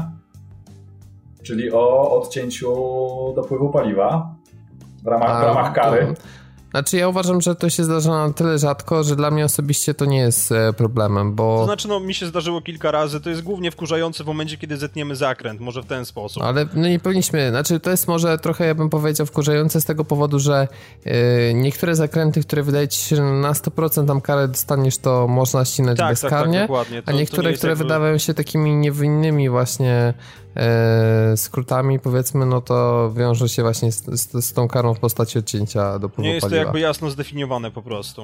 Dokładnie tak, ale samo to, że to istnieje, ja rozumiem sens, bo chodziło o to, że Drive Club ma taką strukturę, że jednak tych band y, cały czas jest blisko dosyć dużo i gdybyśmy mieli się tak swobodnie od nich odbijać i też skracać sobie e, niektóre zakręty, no to gra by mm, zyskała przesadnie arcade'owy charakter i chyba tego twórcy po prostu chcieli uniknąć, więc e, to ja bym powiedział, że to nie jest jakoś specjalnie kontrowersyjna kwestia, tym bardziej, że akurat przechodząc do pozytywu, model jazdy mnie bardzo pozytywnie zaskoczył, dlatego że przypomina mi trochę Project Gotham Racing, a tą serię bardzo, bardzo lubię. W związku z czym no, ja lubię taki balans pomiędzy arcade'em i symulacją i myślę, że tutaj jest e, no, Forza Horizon, jeśli jest podobny model jak do jedynki, jest jednak bliżej tego modelu symulacji. Też ma rewelacyjny model jazdy.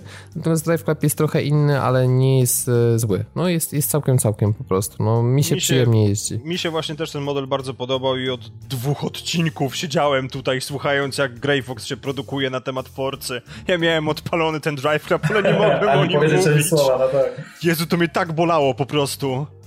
Oh, nie wyobrażacie sobie. Nie, natomiast wracając do, do, do, samej kwestii modelu jazdy, model jazdy jest bardzo przyjemny.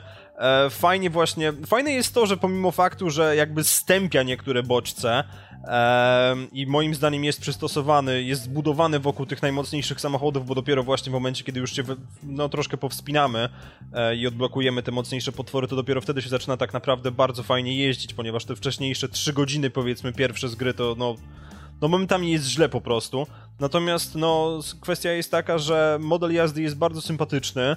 E, samochody, które są koszmarnie trudne do, do opanowania, takimi pozostają, jak chociażby już wspomniany przeze mnie Atom. I co ciekawe, doskonale się nim driftuje, przynajmniej moim zdaniem.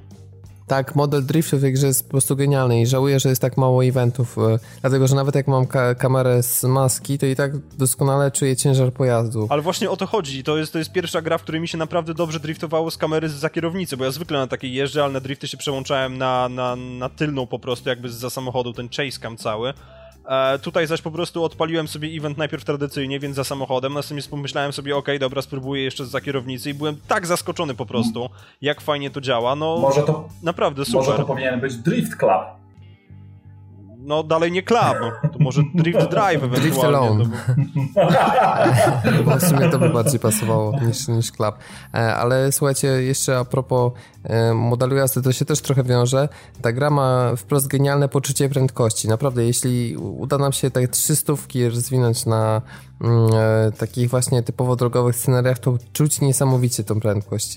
Jeszcze jest taki dodany delikatny taki, takie rozmycie związane z prędkością i to potęguje ten efekt i naprawdę jest to jest dobrze zbalansowane pomiędzy tak, ale... efekciarstwem a właśnie taki, taką sugestywnością. Poza tym jeszcze też wypadałoby przyznać, że przy okazji ta gra w pewnym sensie trochę uczy szacunku do prędkości, ponieważ raz, że nawet w tych najmocniejszych samochodach nie jest tak łatwo się przebić przez barierę 300 km, co też wynika oczywiście z konstrukcji tras, no Natomiast druga kwestia jest taka, że w momencie, kiedy wszystko zaczyna się trzęść i trząść po prostu i nie do końca jest tu poczucie kontroli, to jest też bardzo fajne. I też podoba mi się, jak samochody są niestabilne na mocnych dohamowaniach. Tak, to też jest fakt. Jest tak. Znaczy nie, no ogólnie jeżeli chodzi o mechanikę samą, taką korową prowadzenia, jest mega. Jest absolutnie świetnie to zrealizowane. Dokładnie tak, jest inaczej niż w Forzie i trudno jest to opisać, e, dokładnie na czym polegają różnice ale myślę, że powinno się wielu osobom spodobać, które lubią taki balans. E, na pewno mm, gra w tym aspekcie korowym daje sobie radę, natomiast tak jeszcze trochę porównując do Forzy, chociaż no mówię, ja to tak bardziej też bazując na opinii innych, ale to jest coś, co widać na pierwszy rzut oka, to jest to, że Forza jest e, atrakcyjna pod względem tego, że tak, kolory są trochę przesterowane, tam jest cały ten festiwalowy taki sznyt, y, otoczka, e, są te stacje radiowe, widać, że jest taki klimat zabawowo, mm, no po prostu tam bije z tej gry energia niesamowicie pozytywna. Zdecydowanie nastawiona jest na, na zabawę. Gra. A Drive Club jest taki, taki przytłumiony. To znaczy te... przytłumiony też, ale tutaj samą mechaniką, szczególnie pod koniec gry, wyłazi to, jak strasznie nastawiony na urywanie jakichś tam końcówek z czasu on, on jest przy niektórych eventach. Ale wiecie co? Wiecie co to jest właśnie, ja bym to uznał za mm, taki zarzut e, właśnie pod e, adresem Drive Clubu. Troszeczkę za mało mi było, znaczy ja oczywiście będąc fair, ja nie spędziłem przy tej, przy tej grze tyle czasu co wy, tak? Raptem przejechałem cztery trasy, ale dla mnie mierzenie się z innymi na punkty za, za przejechanie powiedzmy dokładnie po linii, po trasie, która została wyznaczona, albo za utrzymanie jakiejś prędkości na jakimś odcinku, to troszeczkę za mało atrakcji jakby. Znaczy wiesz, za mało atrakcji to jest raz, natomiast dwa, że, że te challenge, które są tam wplecione w wyścigi właśnie i każą nam porównywać punkty są moim zdaniem po prostu no, no kiepskie, no bo raz, że ja już sprawdę o tym wspominałem w recenzji, ale podejrzewam, że większość po prostu osób słuchających tego podcastu tego nie słyszało, więc to nie czytało, więc to akurat się no, mogę o tym powiedzieć drugi raz, tak? Natomiast no, kwestia jest taka, że mówię, te wyzwania na prędkość są ok, ponieważ tak czy inaczej starasz się jechać jak najszybciej, więc to jest fajne. Ale tor jazdy nie jest bardzo często dostosowany do pochylenia toru, co znacznie zmienia tą idealną linię, nie oszukujmy się. I w momencie, kiedy będziemy gnali po tym oficjalnym niby, tym, tym idealnym torze wyznaczonym przez komputer, no to po prostu nie będzie takiego fajnego rezultatu, e, jak gdybyśmy po prostu sami starali się przejechać po tej linii, która nam się wydaje, że będzie adekwatna. Znaczy, to, to, jest, to jest jeszcze AI, które robi wszystko, żebyśmy nie jechali po tej linii. A to swoją drogą, tak. To znaczy, tak, słuchajcie, że, żeby była jasność, znaczy ja uważam, że to jest bardzo fajny pomysł, tylko że e, na, na, na tego typu eventy. Tylko żeby na przykład było e, e, oddzielna, że tak powiem, kategoria, tak? w której powiedzmy z góry mamy ustalone, że, że ten event polega na przejechaniu właśnie takiej, po takiej idealnej trasie wyznaczonej. I to by było ok, mhm. tak? Ale jeżeli to jest, tak, tak. Jeżeli to jest wplecione w każdym wyścigu. miał otwarty świat, prawda? znaczy, no tak, ale ten, ale. Bo wchodzi mi o to, że bo wiesz, bo ja, ja sobie przypominam, bo Forza Horizon już jeden miała też te średnie e, prędkości na jakimś odcinku, no to mhm. była kwestia po prostu jakiejś aktywności, która miała cię utrzymywać e, ciekawość w momencie, kiedy na przykład jechałeś z jednego eventu do drugiego. Dokładnie, prawda? dokładnie.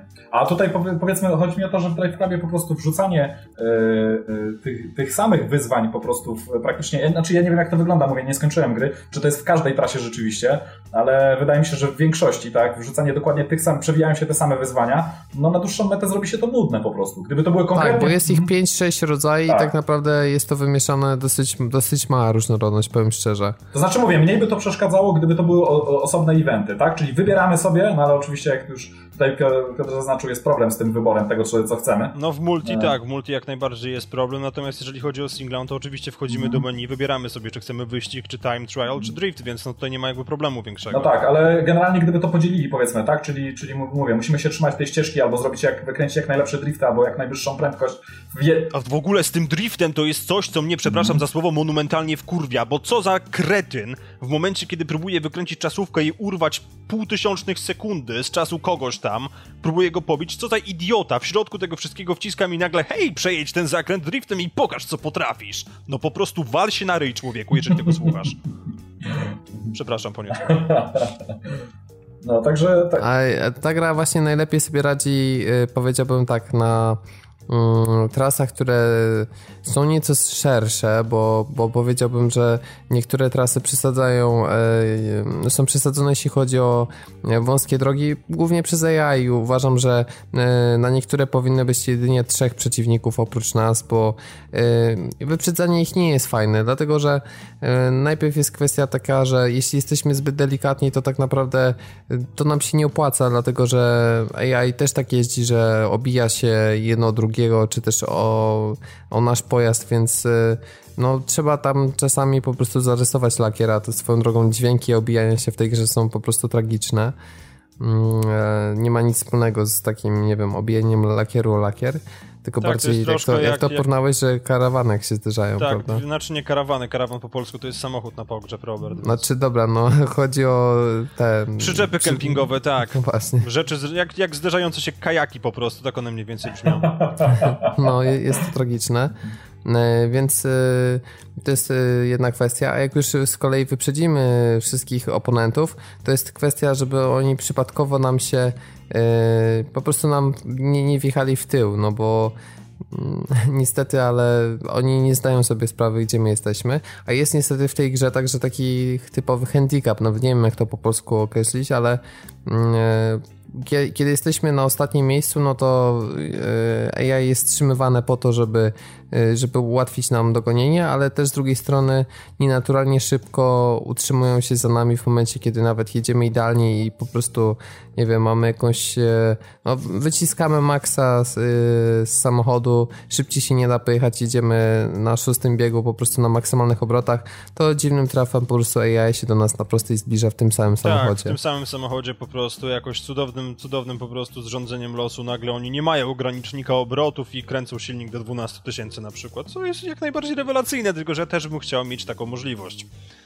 No właśnie tak, więc ja bym powiedział, że największą przyjemność mi sprawiają eventy, gdzie muszę się z czasem e, e, z czasem rywalizować, a nie z przeciwnikami, a jeśli już z przeciwnikami, to na tych szerokich trasach, które imitują tory, to wtedy tam ma to jakiś większy sens. I... Tak, bo niestety, no tak jak właśnie już było powiedziane przez nas wielokrotnie, AI po prostu pełni tutaj rolę przeszkadzajek. Tak, no i ta gra ma niestety bardzo mało zawartości w sobie, dlatego że mm, e, tryb kariery tak na oko to jest kilkanaście godzin, ty nie wiem, ty przeszedłeś to pewnie 12-13, tak, tak to wygląda po tej jednej trzeciej, którą skończyłem. Mi jakby trudno byłoby powiedzieć wprost, ponieważ ja miałem zwyczaj masterowania od razu wszystkiego po prostu i... i, i Ale ja też tak kiedy... robię, a idzie to bardzo szybko, więc... No tak, no to jest fajne. Ale jak tak, tak, tak mhm. na razie nie korzystając z serwerów e, Sony z oczywistych powodów, to, to ile, ile można, mając już ten tytuł, że tak powiem, w garści spędzić w singlu?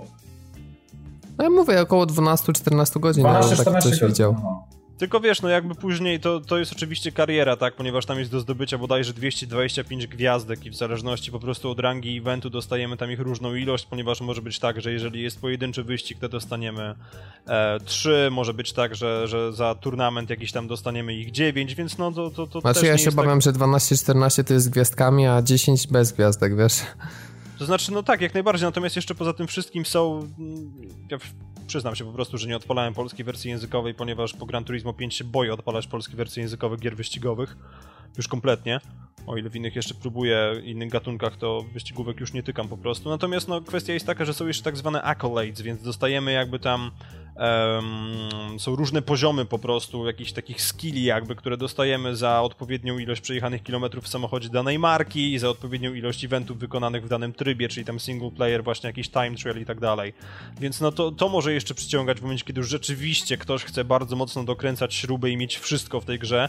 Natomiast no ja pomimo faktu, że, że, że lubię mieć te 100% wyświetlone koło tytułu gry, to na to się nie porywam, ja sobie po prostu jeżdżę w tej chwili bo to, to już jest naprawdę takie sztuczne wydłużanie gameplayu i to momentami jest naprawdę jakieś kretyńskie ilości, bo w momencie, kiedy kończysz karierę i nagle ci okazuje się, że e, do kolejnego poziomu tego, tego accolade całego, tak, musisz przejechać jeszcze 17 wyścigów w singlu na jednej trasie, to się pojawia takie nope. Hmm. No jest to rzeczywiście taki, taki już sztuczny i też, też nie rozumiem tego systemu i on jest taki jakiś niezbalansowany, e, więc, więc to jest kwestia. No nie wspomnieliśmy za dużo o warstwie technicznej, gdzie Drive Club jest chyba najmocniejszy, dlatego że... Znaczy może jeszcze powiedzmy o tych samochodach, do których dostęp jest zablokowany, bo A. wynika to po prostu z faktu, że w momencie, kiedy nie mamy połączenia z siecią, to nie możemy jakby uzyskać dostępu do wszystkich samochodów, w momencie, kiedy nie jesteśmy członkiem jakiegoś klubu e, i chociaż teoretycznie na papierze nie brzmi to jakoś strasznie, no bo to jest jeden samochód na klasę, przy czym klas jest chyba 5 albo 6, one są podzielone ze względu na osiągi danego aut, tych, tych po prostu aut tam zebranych. To jest też źle dobrane moim zdaniem, ale to już jest na inną dyskusję zupełnie, bo jeżeli ktoś wrzuca wrzuca Alfa 4C do jednej grupy z Bentleyem V8, no to coś mu leży na głowie. E, natomiast kwestia jest taka, że to cholernie zaburza gameplay, ponieważ dalej w grze jest, są, są, są mistrzostwa samochodów typu, typu Super Light, tak nazwijmy to, czyli mamy Ariela Atoma V8 i BAC Mono, wyścig tylko i wyłącznie pomiędzy nimi i o ile Mono jest proste do opanowania, to Mono jest właśnie związane nierozerwalnie z tym, że trzeba być w klubie. I przejechanie tego atomem dla mnie dwa tygodnie temu to było siedzenie do czwartej rano i bardzo dużo przeklinania. Więc no, ogólnie rzecz biorąc, to, to, to, trochę ogranicza całą, całą grę i nieco psuje przyjemność, szczególnie właśnie na późniejszych, w późniejszych momentach, kiedy nagle się okazuje, że dostęp do samochodu, który umożliwiłby nam wygranie tego bez większego problemu, a jednocześnie z pewnym wyzwaniem, e, po prostu sprawia, że no, musimy siedzieć, kombinować, kląc i A warto dodać, że gra nie ma możliwości dostosowania żadnych asyst i po prostu wszyscy jeżdżą w takiej samej wersji, więc... Chociaż e, bardzo mi się spodobał patent, że zamiast e, tradycyjnej takiej linii wyścigowej jest, są flagi, które kolory oznaczają e, jakby ostrość zakrętu. To jest, mhm. taki, taki drobny pattern, ale powiem szczerze, że mi się bardzo spodobał i rzeczywiście no, nie zawsze jest czas, żeby zerknąć na minimapę i oczywiście to jest tylko taka prosta skala, mianowicie no, kolorami zielony, żółty i czerwony, e, no, no, no, ale jest to moim zdaniem dobra droga do tego, żeby. Bo i to też e, pozwala na, e, nie wiem, jakieś zdobycie tych punktów odniesienia, żeby w, w dobrym momencie zahamować nie, to I znaczy, wiesz, no, daje radę. Jeszcze, jeszcze jest kwestia taka, że te, te flagi są o tyle użyteczne dla, dla osób mojego pokroju, tak? Ponieważ ja na przykład jeżdżę w ogóle z wyłączonym jakimkolwiek HUD-em, bo po prostu, no też uważam, że w momencie, kiedy mamy, mamy takie, tak, a nie inaczej odwzorowane kokpity i te zegary rzeczywiście działają, to po prostu jakby moim obowiązkiem w pewnym sensie jest nauczenie się trasy e, i po prostu jechanie jej bardziej z pamięci niż patrząc tam na minimapy co jakiś czas, więc to jest o tyle fajne, że po prostu no jakby dorzuca to, to ten, ten realizm i, i, i, rozwala potrzebę po prostu posiadania tego całego HADa włączonego. Jest to coś, no, jest, to, jest to coś nowego no. i na pewno ciekawego, jeśli chodzi o, o gatunek wyścigów e, na, na... Tak, tak, chciałbym, żeby to pociągnięto, bo ja lubię takie, jak e, pewne elementy mechaniczne są wrzucane jakby w, w sam gameplay, a nie po prostu w zwykły element interfejsu czy jakiś tam wskaźnik. No ale jeśli chodzi o ten realizm, no to jest najmocniejsza chyba strona Drive Clubu. Przy czym mówimy tutaj o grafice, nie o modelu jazdy. No, no tak, tak. E, jest to kwestia tego, że gra wygląda po prostu absolutnie, absolutnie fantastycznie właśnie w tym względzie, że widać u twórców taki pęd za fotorealizmem, ponieważ e, Forza Horizon 2 też potrafi wyglądać całkiem przyjemnie, ale ale no nie, nie, jest, nie, wyraźnie... nie jest fotorealistyczna. No, to, to tak. Jest, e, te barwy są tam wyostrzone przesadnie, ona jest efekciarska trochę graficznie, no, no i też jeśli chodzi o szczegółowość, to momentami tam trochę brakuje. No, otwarte, Mam wrażenie w modelach samochodów samochodów. Otwarty świat to kompromisy, no nie oszukujmy się, poza tym rzeczywiście, tak jak mówisz, e, paleta barw jest taka podkręcona na 11, ale to jest celowy zabieg, ewidentnie. Znaczy nie, no ma to swój urok, jasne, natomiast e, może się wydawać e, przez to Drive Club jakiś smętny, przygaszony, no ale no, życie za oknem nie jest takie efektowne jak grafika w Forza Horizon. nie ma co się oszukiwać. Robert Fiałkowski 2014. Recenzja życia, 2 na 10. E, no ale mm, e, to wszystko jest tak niesamowicie połączone. System oświetlenia daje wspaniale e, radę. Trasy, no może nie są wszystkie na takim samym genialnym poziomie wykonania, ale no niektóre momenty potrafią naprawdę po prostu zachwycić. Szczególnie jeśli jest przejście, na przykład startujemy o zachodzie słońca i kończymy wyścig w, w nocy. Te to znaczy, światła to, po prostu, jeszcze... które tam się chwalili tymi soczewkami, po, rzeczywiście one, no nie wiem co tam zrobili, ale wyglądają fotorealistycznie po prostu. To znaczy tak, światła wyglądają świetnie, ale to jeszcze o czym właśnie mówiłeś, o, o, odnośnie tego, tej jazdy w nocy. Po raz kolejny wracając do tego cholernego, mm, do, do, do tych cholernych mistrzostw z Atomem, tam jest trasa, na której właśnie startujemy wieczorem. Ona jest w Norwegii i pojawia się zorza polarna. Matko boska, jak to wygląda! jest naprawdę, to jest, no, momentami ta gra po prostu ryje beret, cudowne um, oświetlenie oświetleniem, ale też fajne są refleksy, ponieważ mi się zdarzyło, że w momencie, kiedy latałem sobie tam właśnie po tej trasie i pomimo jeszcze braku fotomoda robiłem screeny, e, to zatrzymałem się w Chile na poboczu po prostu, żeby, żeby cyknąć McLarena P1 od przodu, tak jak no, często mi się zdarzało i zauważyłem, że kamyczki, które są wysypane gdzieś na poboczu odbijają się w zderzaku ze właściwym zniekształceniem ich. Także naprawdę przykładanie wagi do detali w momencie, kiedy przy, przy Drive Clubie jest, jest absolutnie rewelacyjne. To jest coś, co no, momentami poważnie ryje Grafika jak dla mnie rzeczywiście jest zdecydowanie najmocniejszym punktem e, Drive Clubu. Jest to naprawdę popis e, tego, co, co, no, co będzie doczekało nas w przyszłości, podejrzewam. No bo nie oszukujmy się, to jest tytuł, który z jakimiś tam może bolączkami, ale mm, wyszedł jednak na początku generacji I, I, naprawdę wygląda bosko, naprawdę wygląda bosko. Wygląda naprawdę, jeśli chodzi o porównanie takie, bo już tak przytaczamy często tą Forza Horizon, Forza Horizon nie wygląda aż tak dobrze. Tutaj ilość detali jest naprawdę powalająca. Oczywiście wiąże się to z tym zamkniętym światem, zamkniętymi trasami, ale jeżeli panowie będą w kolejnych swoich produkcjach szli w tym kierunku, to, to robią to dobrze, zdecydowanie robią to dobrze. Dokładnie tak. Więc y, no, to jest chyba wszystko, co teraz przychodzi do głowy z takich najważniejszych rzeczy. W to gra się naprawdę przyjemnie i warstwa techniczna jest zrobiona, natomiast y, mnie trochę rzeczywiście y, no, smuci brak takich podstawowych rzeczy jak powtórki, jak e, kwestia tych warunków pogodowych, które pokazywali, a ich niestety w grze nie ma. Tych eventów tak dużo też nie ma. Trochę gra jest przez te wyzwania sztucznie wydłużona, więc e, to jest trochę takie Destiny gier wyścigowych, tylko no i nie Zamiast działa. strzelania mamy jazdę. I nie działa online, więc. A ja, mam, a ja mam jeszcze jedno pytanie do Was, tak. e, No nie wiem, może, nie, może niektóre osoby, z, jeśli chodzi o słuchaczy, może by e, interesowała mm, e, Wasza opinia w tej kwestii. Bo ile Ty, Robert, mówiłeś, ten tytuł kosztuje bez zniżki, że tak powiem, 250. Znaczy, nie, to Piotrek mówił 205, znaczy w sklepie 239 zł taka Na cena. PS to, że się pojawia po prostu plakietka, że od 254. I chciałem się tylko 160 zapytać, chciałem się zapytać tylko, jak, jak wy to oceniacie? Czy tam te 250 kilka złotych e, na ten moment, nie mówię tutaj tak wiadomo, gra może zostanie rozbudowana, dojdą jakieś DLC-ki, może pewne rzeczy... No dojdą przede wszystkim efekty pogodowe do ciężkiej cholery, na które No czekamy. I dojdzie dokładnie. online. Jak, jak... Okej, dobra, Może zobaczymy. bez No. może takiej uszczypliwości, ale czy generalnie to jest gra, którą za taką kwotę polecalibyście? Nie. Nie. Ja w tej chwili to jest gra, która przy niedziałającym online tej jest warta gdzieś koło stówki. Jak włączy się online i będzie to rzeczywiście dobrze działać i jeszcze wzbogacą to jakieś patchy, że będzie można tworzyć własne wyścigi, to wtedy ta cena 169 zł powiedziałbym, że jest adekwatna. Jak dojdą warunki pogodowe i wszystko to, co obiecali, jeszcze jakieś dodatkowe samochody czy trasy, no to wtedy te dwie stówki mogą być e, uzasadnione, ale na razie absolutnie polecałbym się wstrzymać z tą grą.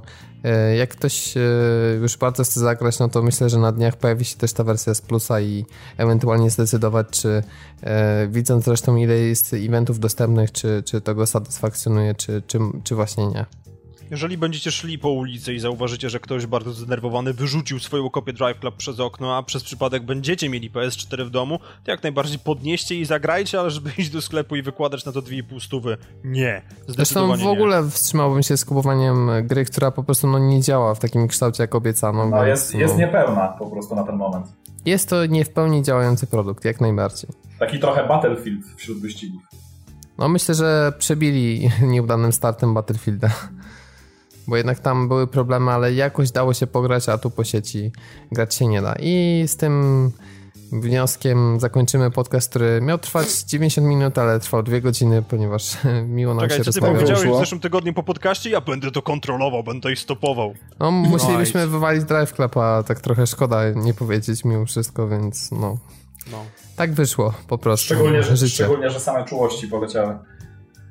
No, tak to jest, że hejtu, he- hejtowanie przychodzi. Myślę, że średnia słów na minutę była wysoka e, w tym odcinku podcastu i temperatura e, także.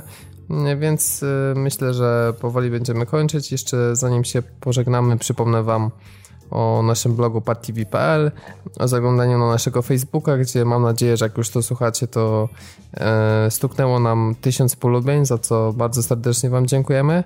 Oczywiście jesteśmy też na Twitterze, e, Re- Retro Rocket Network oraz Radiu GRM. Także tyle ode mnie, ja nazywam się Robert Fiałkowski i prowadziłem dzisiejszy odcinek, a ze mną był jeszcze Tomek Dietrich, Cześć. Piotrek Modzelewski Dzięki wielkie, hej. i Szymon Zalichta. Trzymajcie się ciepło. Do usłyszenia za tydzień. Hej.